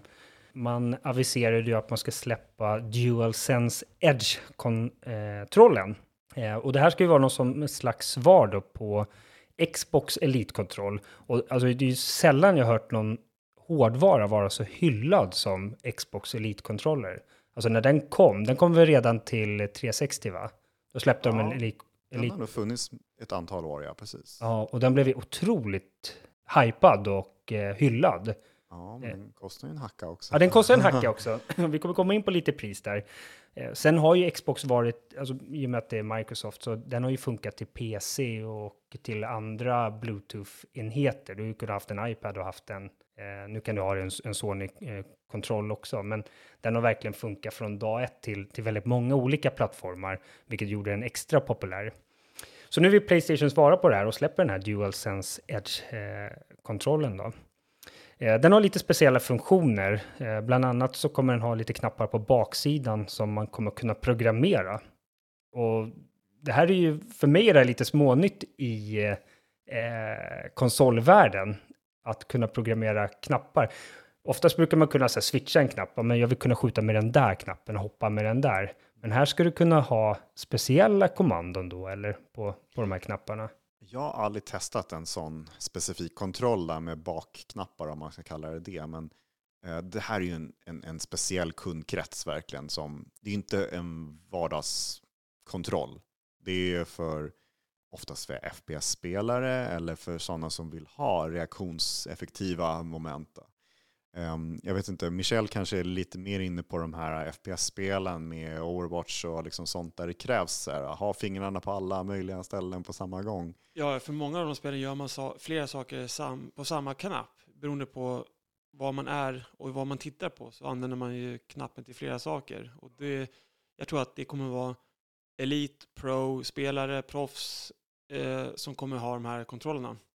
Och å andra sidan, jag är jättesugen. Jag har tyvärr råkat ut för, jag har tagit sönder två, tre PlayStation, nya Playstation-kontroller. Jag vet inte om det har med min stil spelstil. Att göra, spelstil att göra, spelet jag spelar. Du blir, får rage quit och slänger den i väggen. Nej, men jag har otur med att eh, left-spaken, den, den vill sticka. den ryker först alltså, left? Leften gör att... Det är oftast den man går med va? Går och springer, håller in den och sådär. Det är att när jag släpper kontrollen och låter den ligga, då går det långsamt uppåt. Mm. Fast jag inte vill det. det kan vara, jag har försökt jättemycket damm, blåst och allting. Men, så att den här kontrollen, visst, om man kan byta ut delar. Ja, för vi kommer lite osökt in på det, att en av de andra delarna som är, eh, no pun intended, eh, som är nya är att man ska kunna byta ut de här analoga spakarna. Och väldigt många som, de här som sliter ut sina joypads, eh, de, eller gamepads kanske man säger, kontroller. Eh, de tycker att det, för jag har aldrig råkat ut för det här på, på Playstation faktiskt, att min kontroll har börjat drifta. Eh, men väldigt många gör det. Det händer på alla plattformar. Så det är inte ovanligt. Nej. Det har varit nästan stämningsformer av det på Nintendo. Ja, eh, ja de är ju fyra. Och nu har det ju börjat på Playstation ganska frekvent också, att folk får skicka in och får en, egentligen en ny kontroll tillbaka för att de orkar inte hålla på och laga den. Ja, just det. För här kommer man kunna byta ut dem och jag hoppas att det för jag, när det börjar drifta, jag vet inte exakt vad som händer. Det är någon fjäder som slutar funka eller funkar för bra eller det, det, det, det, är något slitage som går sönder någonstans. Och här om du kan byta ut det istället för att byta ut hela kontrollen så, så är väl, det är väl bra då, antar jag. Ja, men jag tänker att de där delarna kommer vara dyra, för de måste ju, har man köpt kontrollen, då kommer de inte kunna sälja mer kontroller. Då köper man bara delar, så de måste ju få in pengar någonstans, och då kommer ju förmodligen delarna bli dyra också. Så att, ja, men tre kontroller mot en sån här kanske. Det... Vi pratade om Sirius S förut. Jag tror att den går på lite drygt 3000 spänn. Då får du en Sirius S. Och jag som är eh, trogen webbhallen-kund, de kommer upp som fyndvaror där ibland och då brukar de till och med ligga under 3000 kronor. Som en jämförelse så kommer den här kontrollen, den kommer kosta ungefär 2 500 kronor. Eh, 240 euro är det pris som, som har annonserat att, att den ska kosta. Och det borde rimligtvis bli runt 2 500 svenska kronor. Mm. För en handkontroll. Det är dyrt. ja, jo, det är dyrt. Vilka pengar. Och faktum är att det, det, har, det har kommit fram några sådana undersökningar som har gjorts. Eh, och det är att det finns en ganska stor grupp gamers som gillar det här premiumsegmentet. När, jag kommer ihåg så väl när eh, Xbox Elite-kontrollen kom. Då ville jag ha den för att jag tyckte att den såg cool ut och för att den, man skulle vara man skulle vara lite speciell när man hade den, kände jag. Eh, så jag är nog touchad på den här gruppen. Mm. Eh, och det är väl det här så ni ser nu, att eh, eh, här finns det nog massa pengar att, att, att, att hämta in. Jo, men då måste ju produkten vara bra kvalitet på också. Det måste ju matcha priset. Ja, det får man ju Det nästan man ju anta. Precis, att då måste det ju vara kanske metall istället för plast eller titanium eller aluminium. Förstår du? Lite bättre råmaterial än att vara lätt plast, alltså kinaplast liksom. Som Ja, nej. sönder eller, det måste kännas gedigen när man håller i den. Också tycker jag. Det Ja. måste vara lite tyngd i. Annars, man köper ju inte en kontroll för två och ett halvt och så ma- matchar den. Nej, den kommer släppas nu den 26 januari eh, om någon, några månader då, med andra ord. Eh, har ni förbokat den? Nej. Nej. jag, vill, jag vill såklart se på alltså, betygssättning och lite reviews och sånt. Unbox, unboxing. Ja, jag vill lite sam, samma här faktiskt. Men faktum är att jag har ju två Playstation 5-kontroller eh, och de funkar jättebra nu två år senare. Men min son Anton, han hade över en kompis som de spelade Minecraft. Det kan man tydligen också spela i split screen, det visste jag inte. Okej. Eh, så det har de gjort. Eh, och när han var klar efter den här spelsessionen så är typ min eh, triangel, den är typ ständigt intryckt. Platt. Ja, den är liksom, ja, ja, precis, det blir ingen så här... uh, Stumt. Det blir, Det är väldigt stumt, ja. Så, ja, vi får se. Hoppas triangeln Det är där- bättre på det. Just den grejen råkar jag ut för ganska mycket på Playstation 4-kontrollerna. Eh, I princip så, så är det ju omö- ja, det är omöjligt att rätta till det om man inte öppnar upp. Ja, Eh, så att, ja, det man kan göra det är att har man garanti kvar, skicka in det. ja just det. Men det är ju krångligt bara det. Så, um, Ja, det värsta är att jag inte vet om det är någon saft som har letat sig in. Jag, jag har ingen ja, aning. Det kan ju man ta så här alkoholgrejer och sånt där och rubba in. Det finns ju massa Lufttryck. tutorials och sånt. Där. Ja, jag får, pr- får prova. Men oftast när man, när man tänker på hur vi hanterar kontroller så blir det väl att vi bara lägger den åt sidan och köper en ny bara för att man är inte så, Nej. man orkar inte. Så nu kanske, ja, kanske blir en elitkontroller då, och så Ja, byta ut Ja, tangenterna jag när har tre och jag har ju tre Playstation 5-kontroller och två har tyvärr blivit lite drift på, men det är inte så mycket så att jag blir sämre spelare. Det är bara när man inte rör den och menyerna, alltså mus, den som ska motsvara musen på en dator, Ja. den drar lite. Men i spelet, jag har inte känt att jag Nej, får okej. sämre aim, för att då rör jag mig hela tiden konstant och då har inte jag känt att jag får sämre aim. Nej, just det. Eh, Men det är ju det är dåligt ändå. De tre, om har jag tre kontroller, byt in den mot en edge. Det är samma pris. Mm. Typ. Spännande, nu kanske du är spekulant på den då. Ja, det är så. Apropå eh, dyra Playstation-tillbehör eh, så fick vi lite mer information kring Playstation VR 2. Hur säger man det där? Playstation VR 2, VR 2? Jag har inte hört något officiellt uttalande på namnet men eh, man säger väl det som står. Så att VR2. VR2. VR2. VR2, det, ja på svenska då såklart. Men, Sony släppte lite mer information eh, och sa att eh, den kommer att släppas i februari, rätt, eh, närmare sagt den 22 februari 2023. Så ja, en månad senare efter eh, Edge-kontrollen så kommer VR2. Och man meddelar att den kommer, kom, kommer att kosta 550 dollar eller 600 euro. wow. Och då pratar vi nog 6 6 500 svenska kronor. Eh, nu kommer jag inte ihåg vad VR1 kostade, men var det runt 3 3 halvt någonting? Det var nog mera. Det var mer. Ja, det, Det fanns prat- två versioner, om jag du hade pratar- Playstation Move eller inte. Ja, precis. Move-kontrollerna fick man köpa separata eftersom de var de gamla kontrollerna som kunde återanvändas. Så var det. Eh, men själva priset låg nog runt 400 dollar på Jag tror den runt tiden. 4000 har jag sett. Mm, okej. Eh, men om man konverterar över det till dagens värde så var det ju lite mera. Så jag tror att de, ehm, de sa att det är inte så stor skillnad egentligen mot VR1 om man säger i prisskillnad mot releasen. Och när man tittar vad man får mera så är det ju eh, i alla fall hörlurar, senskontroller och VR-headsetet. Så det är ju inte litet bundle man får. Men åter till saken som förra konceptet, det är ju en nisch för många spelare. Är det någon här som har spelat VR tidigare? Jag hade en granne, eh, hade jag, för han har flyttat till Skellefteå nu, men han hade Playstation VR. Eh, utöver, no- jag, jag, jag har gjort det på någon kick-off med jobbet, har jag spelat eh, något så här enklare VR-spel, liksom, alltså man typ går på en skyskrapa och ska gå mellan två skyskrapor på en planka, så här skitlarvigt. Men nu gick jag över till grannen och så spelade vi Resident Evil. Eh, och jag blev inte jättesåld på den. Jag tyckte framförallt att det var väldigt, väldigt dålig eh, grafik. Det, det var verkligen ögonfallande dålig grafik på eh, VR1. Och sen den typen av spel tycker inte jag riktigt lämpar sig för en VR. Alltså när man ska röra sig. Jag tror att de här spelen där man är lite mer eh, stationerad, man står statiskt någonstans, att de är bättre.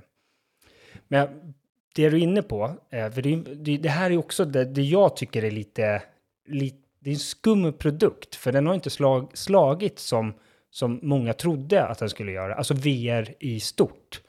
Eh, när de här Oculus Rift och VR, eh, Playstation VR 1 och sådär kom, då skulle ju det vara framtiden. Eh, och trots att Sony har ryktesvägen sålt runt 5 miljoner exemplar av VR 1 så är den ju fortfarande väldigt nischad. Det- och det känns ju inte som att det kommer några dundrande bra spel till dem eller utöver är Half-Life Alex, Alex som är Ja, det, det var väl det här uh, Horizon då som, som finns som en, en, en VR-version. Inte just själva huvudspelet um, Ja, just som det. kom uh, förut tidigare år, utan det här är ett speciellt framtaget spel då, med VR-aspekter. Och det kanske lockar många och liksom, det ser väldigt snyggt ut på previews och allt sånt där. Men det är ett spel av de 20 som de säger ska komma. Ehm, Ja, för det, det har inte kommit ännu det här Horizon-spelet. Det Nej. kommer komma till... Ja, det är Release. releasen. releasen, ja precis. Så det man kan se det är väl, vänta, om det kommer några fler spel. Jag, jag kunde ju se mig själv förr i tiden att här, jag vill ha VR-headset. Jag vill lägga mig i sängen och ha det som en jättestor tv framför Ja, ögonen och bara ha en handkontroll i och spela spel på det sättet. Men sen så när man köpte en ny tv och allting, då blev det ju bara en upplevelse att sitta vid OLEDen istället. Så det försvann ju lite grann det här med att, ja, förut satt jag och spelade på en dataskärm med Playstation. Men nu finner man ju passionen att sitta framför en, en jättehäftig tv istället. Då. Ja, just det. Ehm, och det var väl också lite så här säljmomentet när Playstation 5 kom, att då köpte ju många en ny tv i samband och fick den här upplevelsen själva. Men eh, om vi går tillbaka till VR så känns det som att jag vill nog vänta och se vad som händer. Jag kan tänka mig att köpa ihop alla oss tre ett headset Och som man eh, som man kan passera mellan lå, varandra. lånar Ja, eller att vi varandra. kommer hem till någon och, och sitter och, och testar lite grann. För det är nog lite så här partyaspekt samtidigt som det kan vara mycket roliga spel som, som får en annan ehm, vad ska man, dimension. Ja. Ehm, sen vet inte jag hur mycket spel som kommer att kunna spelas normalt ehm, med VR, ehm, vad ska man säga, optimering. Ja, exakt. Det, det känns som att det mest har varit en gimmick. Gimmick Ja. kanske man säger. Eh, ta till exempel mina baseballspel som jag nämnde förut att jag spelar. Nu vet jag inte om alla spel, men jag kommer ihåg när VR1 kom, då fanns det något spelläge där du kunde slå Home Run Derby. Där du, ja, kunde, det, det momentet, eller den lilla tävlingen, den kunde du göra i VR, men inte, men inte det andra.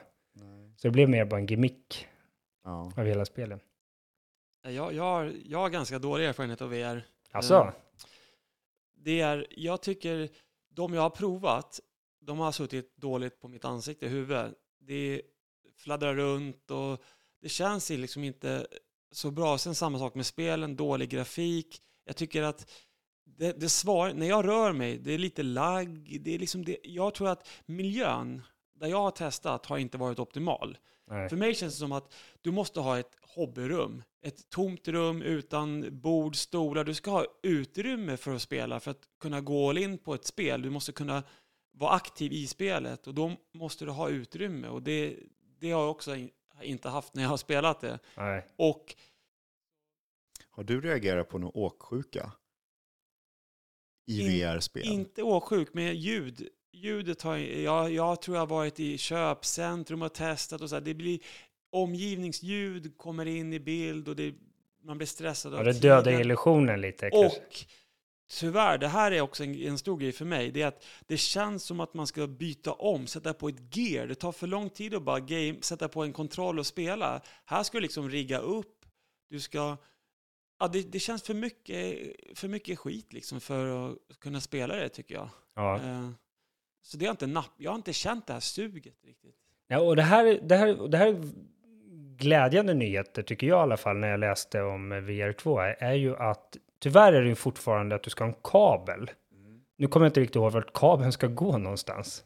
Är det till Till hand... Playstation då, om man säger det. Så du har mellan headsetet och Playstation. Ja, Däremot så kommer du inte behöva ha en kamera längre som du behövde på VR1. Och du behöver inte ha några ljuskällor som känner av vart du är någonstans, utan själva trackingen, den sker i själva headsetet. Eh, tyvärr har du fortfarande kvar den här kabeln, vilket gör att du inte får samma frihetskänsla. Och kan, kan du rent av lyckas riva ner ditt Playstation på golvet då, eller? Jag tror inte det. Eh, den ska väl vara så pass lång i alla fall så att man kan lägga den lite vid sidan om och så. Ja. 10 meter i alla fall. Jag, jag, tror, jag tror inte VR-spel är utvecklade på det sättet att man springer omkring i ett rum, utan eh, Nej. Fast lite distans ändå. har ja, lite sett. distans. Det är klart, man, man kan ju inte bara sitta ner hela tiden, utan det är väl lite grann att man måste stå och röra sig och så. När jag nattar min eh, son så brukar vi läsa och sen brukar vi alltid avsluta med att kolla på fails på YouTube. Eh, så då finns det någon kanal som heter Fail Army som vi ramlar in på. Typ så här 16 miljoner vis- eh, prenumeranter på den här kanalen så att vi är inte ensamma om att titta på det. Att vi, har- vi har säkert sett 20-30 folk som har liksom dundrat in i sin tv eller slagit sönder en lampa eller vitrinskåp av, eh, av att spela VR. Mm. Eh, Ja, det är väl mycket fail man ser just där, att folk ramlar in i saker och så. ja. Men jag tror inte att det är standard att man, att man gör illa sig så lätt. Det är väl kanske folk som är ovana, som tror att det är på riktigt. Ja, Eh, vad nu det anses vara. Om det är skräckspel och sånt så går de omkring och ska slå ner någon. Och bara, ja vad, vad gör man då i verkligheten? Jo, du går med handen eller vad som helst. Sen har man ju sett några som har lyckats ändå. Att spela, så här, de låter tjejen spela ett zombiespel och hon blir skiträdd och, och så. Det, det är ju positivt, för det är det man vill ju. I, Skrämma. VR. Nej, men det är alltså, då är man ju inne i spelet och det är det man vill ha. Man vill ju vara inne i spelet och tro att det är på riktigt. Och det, det har man ju sett också att ibland så lyckas de ju, ibland inte. Liksom. Ibland blir det fails, ibland blir det lyckat. Nu är jag ute på tunn is, men apropå eh, det du pratade om tidigare Michel, där med inställningar och dålig grafik och att det dödar lite illusioner, så, så tyckte jag att jag läste någonstans om att ny, nyare VR-teknik har lite bättre, att den anpassar sig per automatik utifrån från dina ögon och sånt där. Tidigare var du tvungen att ställa in typ så här, du hade kanske fyra olika inställningar beroende på hur, alltså hur långt ifrån Alltså vi har ju olika längd mellan våra ögon, eh, alla människor, så då behöver man ha lite egna individuella inställningar. Att sånt där ska bli lite mer, eh, per automatik så ska mjukvaran i VR-headseten lö- lösa det här. Ja, jag, jag har ju tittat lite grann också sådär och visst, jag kan ju inte säga detaljer på rak arm, men det var en jävla massa eh, vad heter det, specifikationer på vad de hade uppgraderat och lagt till och, och alla möjliga sorts specialgrejer de har utvecklat till just det här nya headsetet och just att skärmen är utvecklad, ja, det man tittar i det om man säger. Ja, just det. Ehm, det är fruktansvärt mycket mera positiva ehm, reaktioner mot det här sättet än mot det gamla headsetet. Ehm, och visst, prisklassen är väl i den högre graden tycker man, men jämför man med många andra så ligger den ju faktiskt ganska bra till. Det finns ju betydligt värre. Meta alternativ. släppte väl någon här för eh, 15-16 000 Ja. spänn va? Och det är, ju- då tänker man så här, varför kan det kosta så mycket? Om, vad händer om till exempel någon som snackar om Apple, om de släpper? Ja, är det normalt att titta på deras prisklass då på så här tio gånger mer? Och det är normalt för oss liksom. Nej, men jag kan inte dra några stora eh, negativa trender om, det, eller om VR. Det är att jag provade det för en massa år sedan. Utvecklingen går ju framåt. Så att, Ja. Kommer ni ihåg när vi var små? Då var ju VR, då stod man ju någon så här, ring. i en ring ja, Ja. som hade ett staket och så typ gick man Typ på en den här arkad, ringen. VR-arkad var det mer. Exakt, det var jättepopulärt verkligen. Ja. Eh, ja, det var ju så här, 90-talet. FPS, alltså. krigsspel verkligen. Exakt, det var det enda man gjorde, sköt laser på varandra. Ja, ja. Och så hoppade man mellan olika plattformar. ja. Var- Man trodde att det skulle vara framtiden för VR, att ja, man skulle vara inhägnad. Ja. Det blev ju ingenting av det. Eh, Avslutningsvis om PSVR 2 här, och det här är för mig en ganska stor grej. Eh, för jag har ju under de här åren byggt upp en lit, ett litet, litet bibliotek med spel som jag skulle vilja spela om jag ändå skaffade VR. Och när vi köpte Playstation 5 så fick man ju med det här Astros Playroom. Eh, och jag blev ju, jätt, jag blev ju kär i de här Astro-robotarna. Man kände igen den från, eh, var det när man köpte någon Move, eller vad var det man köpte på Playstation Ja, 4? Då fick man... Rescue Bot-spel. Ja, det, det är VR-spelet. Det är VR-spel, Ja, okej. exakt. Och det är ju otroligt hyllat. Det är typ det bästa VR-spelet till Playstation efter Half-Life. Det finns väl till Playstation också, Alex? Eh, nej. Nej, det gör det inte. Det är Det bara är PC. det som ryktas ska komma. Just att eh, Steam har ju Ah. utvecklat det. Och eh, ja, nu vill ju alla ha det till det här eh, uppgraderade headsetet. Jag förstår. Ja, men då är nog Astrobot Rescue Bot Mission, eller vad det nu heter, det är ju det spelet som jag verkligen ser fram emot att en dag spela. Och det man säger är att VR1-spelen kommer inte att fungera på, på VR2. Stor besvikelse. Det är ju, eh, jag höll på att säga hål i huvudet, men det måste ju finnas någon specie, speciell anledning till det. Jag kan tänka mig att det är många som kommer att patcha in en uppgradering så att det går att spela. Eller porta det, ja. Ja, men just nu så stöder det inte bakåt. Vilket är väldigt negativt för då kan man ju inte använda sina gamla bibliotek och spela.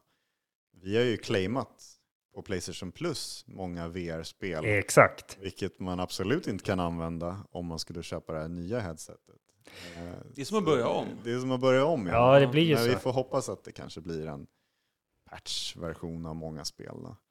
Ja, vi får se om vi köper det gemensamt då framöver. Det, lå- Det låter... kan ju vara någonting att satsa på. Ja, nu, nu får vi se då, Michel. Hen- Henke försöker få med oss att investera i ett VR-headset till honom. Jag, jag, är, jag vill prova igen, men som sagt, jag vill prova i bra förhållanden med att man har ett rum som är optimalt för det. Alltså inga grejer framme, man snubblar inte, man Nej. hör inte massa...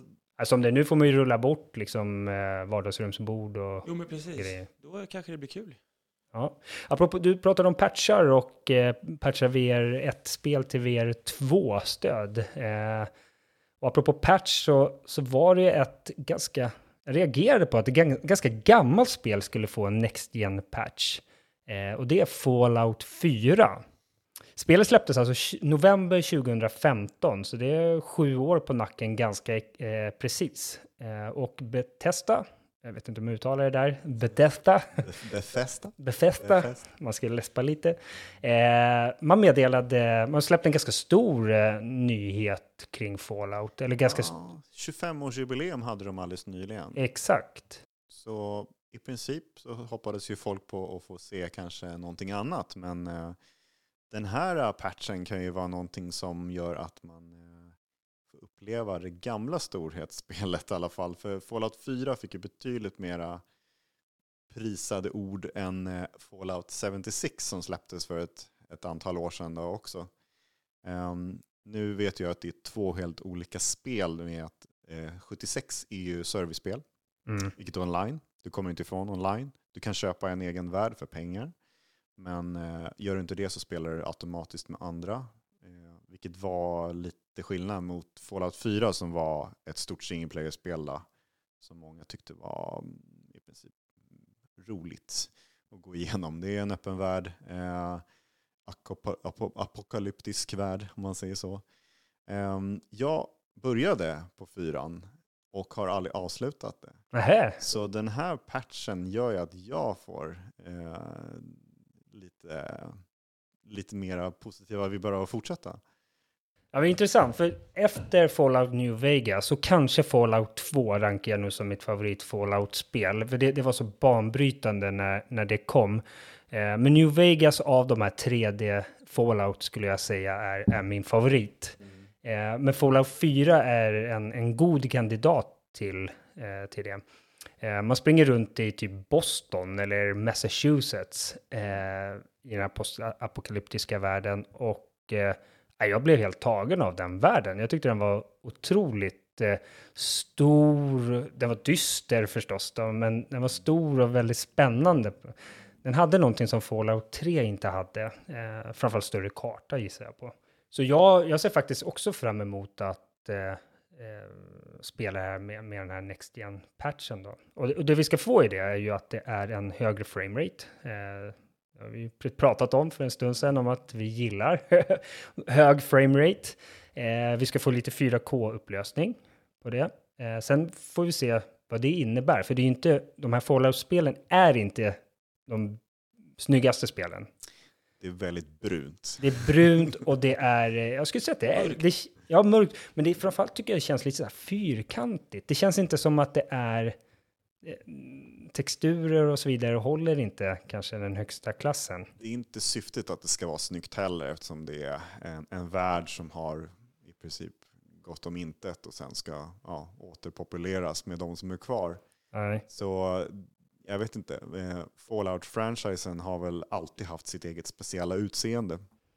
Det går inte att komma ifrån att det är, det är sånt eh, koncept. Ja, väldigt speciell spelvärld. Men eh, jag, jag gillade fyran. Gillade faktiskt 76 också, fast det hade sina negativa aspekter. Ja, där är du Men, eh, ensam. I alla men- fall får du ingen medhåll från mig. Eh, Jag tyckte 76. Jag vet att vi spelade ihop för ett antal år sedan och Ja. testade. Och eh, jag eh, försökte dra med er på ett äventyr, men det slutade väl inte så gott. Då. Två spelsessioner tror jag, sen, sen, Ja. sen blev du ensam. Men jag grindade vidare och körde väl ett antal eh, månader på det där och levde loppan så gott jag kunde. Mm. Jag spelade aldrig med andra egentligen. Även fast jag såg andra så försökte jag ju köra mina egna äventyr. Kartan är ju ofantligt stor där också så att, eh, man, man kommer ju undan. Mm. Men spännande är det absolut. Och man stöter på ett antal konstiga varelser och monster. Så är man ute efter spänning så det är ju värt att testa det idag. Det har ju fått väldigt mycket nytt innehåll. Nu pratar du kanske- 76an. 76 ja. Ja. Fyran slutades ju uppdateras för länge sedan. Men eh, där finns det ju också ett antal DLC som eh, är värda att köra igenom. Far Harbor är väl det som är mest hyllat av dem va? Ja, exakt. Ja. Den men, kanske eh, blir läge att återbesöka. Det borde ju rimligtvis vara med i den här patchen också. Att du kan spela DLC med Det absolut. högre upplösning. Ja, ja, det är väl hela spelet antar jag. Sen så kan jag tänka mig att man kan hitta det för en spottstyver eh, och köpa det fysiskt eller online också på reor. Det- Men, eh, Det Bethesda ju sa här också var att man fixade en massa buggar. Eh, och det här gjorde, i och med att de gjorde en stor grej av det så, så eh, var det väldigt många som kommenterade det. Eh, att ja, ah, okej, då kanske ni äntligen kan fixa det där. Och många gjorde den här kopplingen till när Skyrim eh, eh, patchen kom. Ja.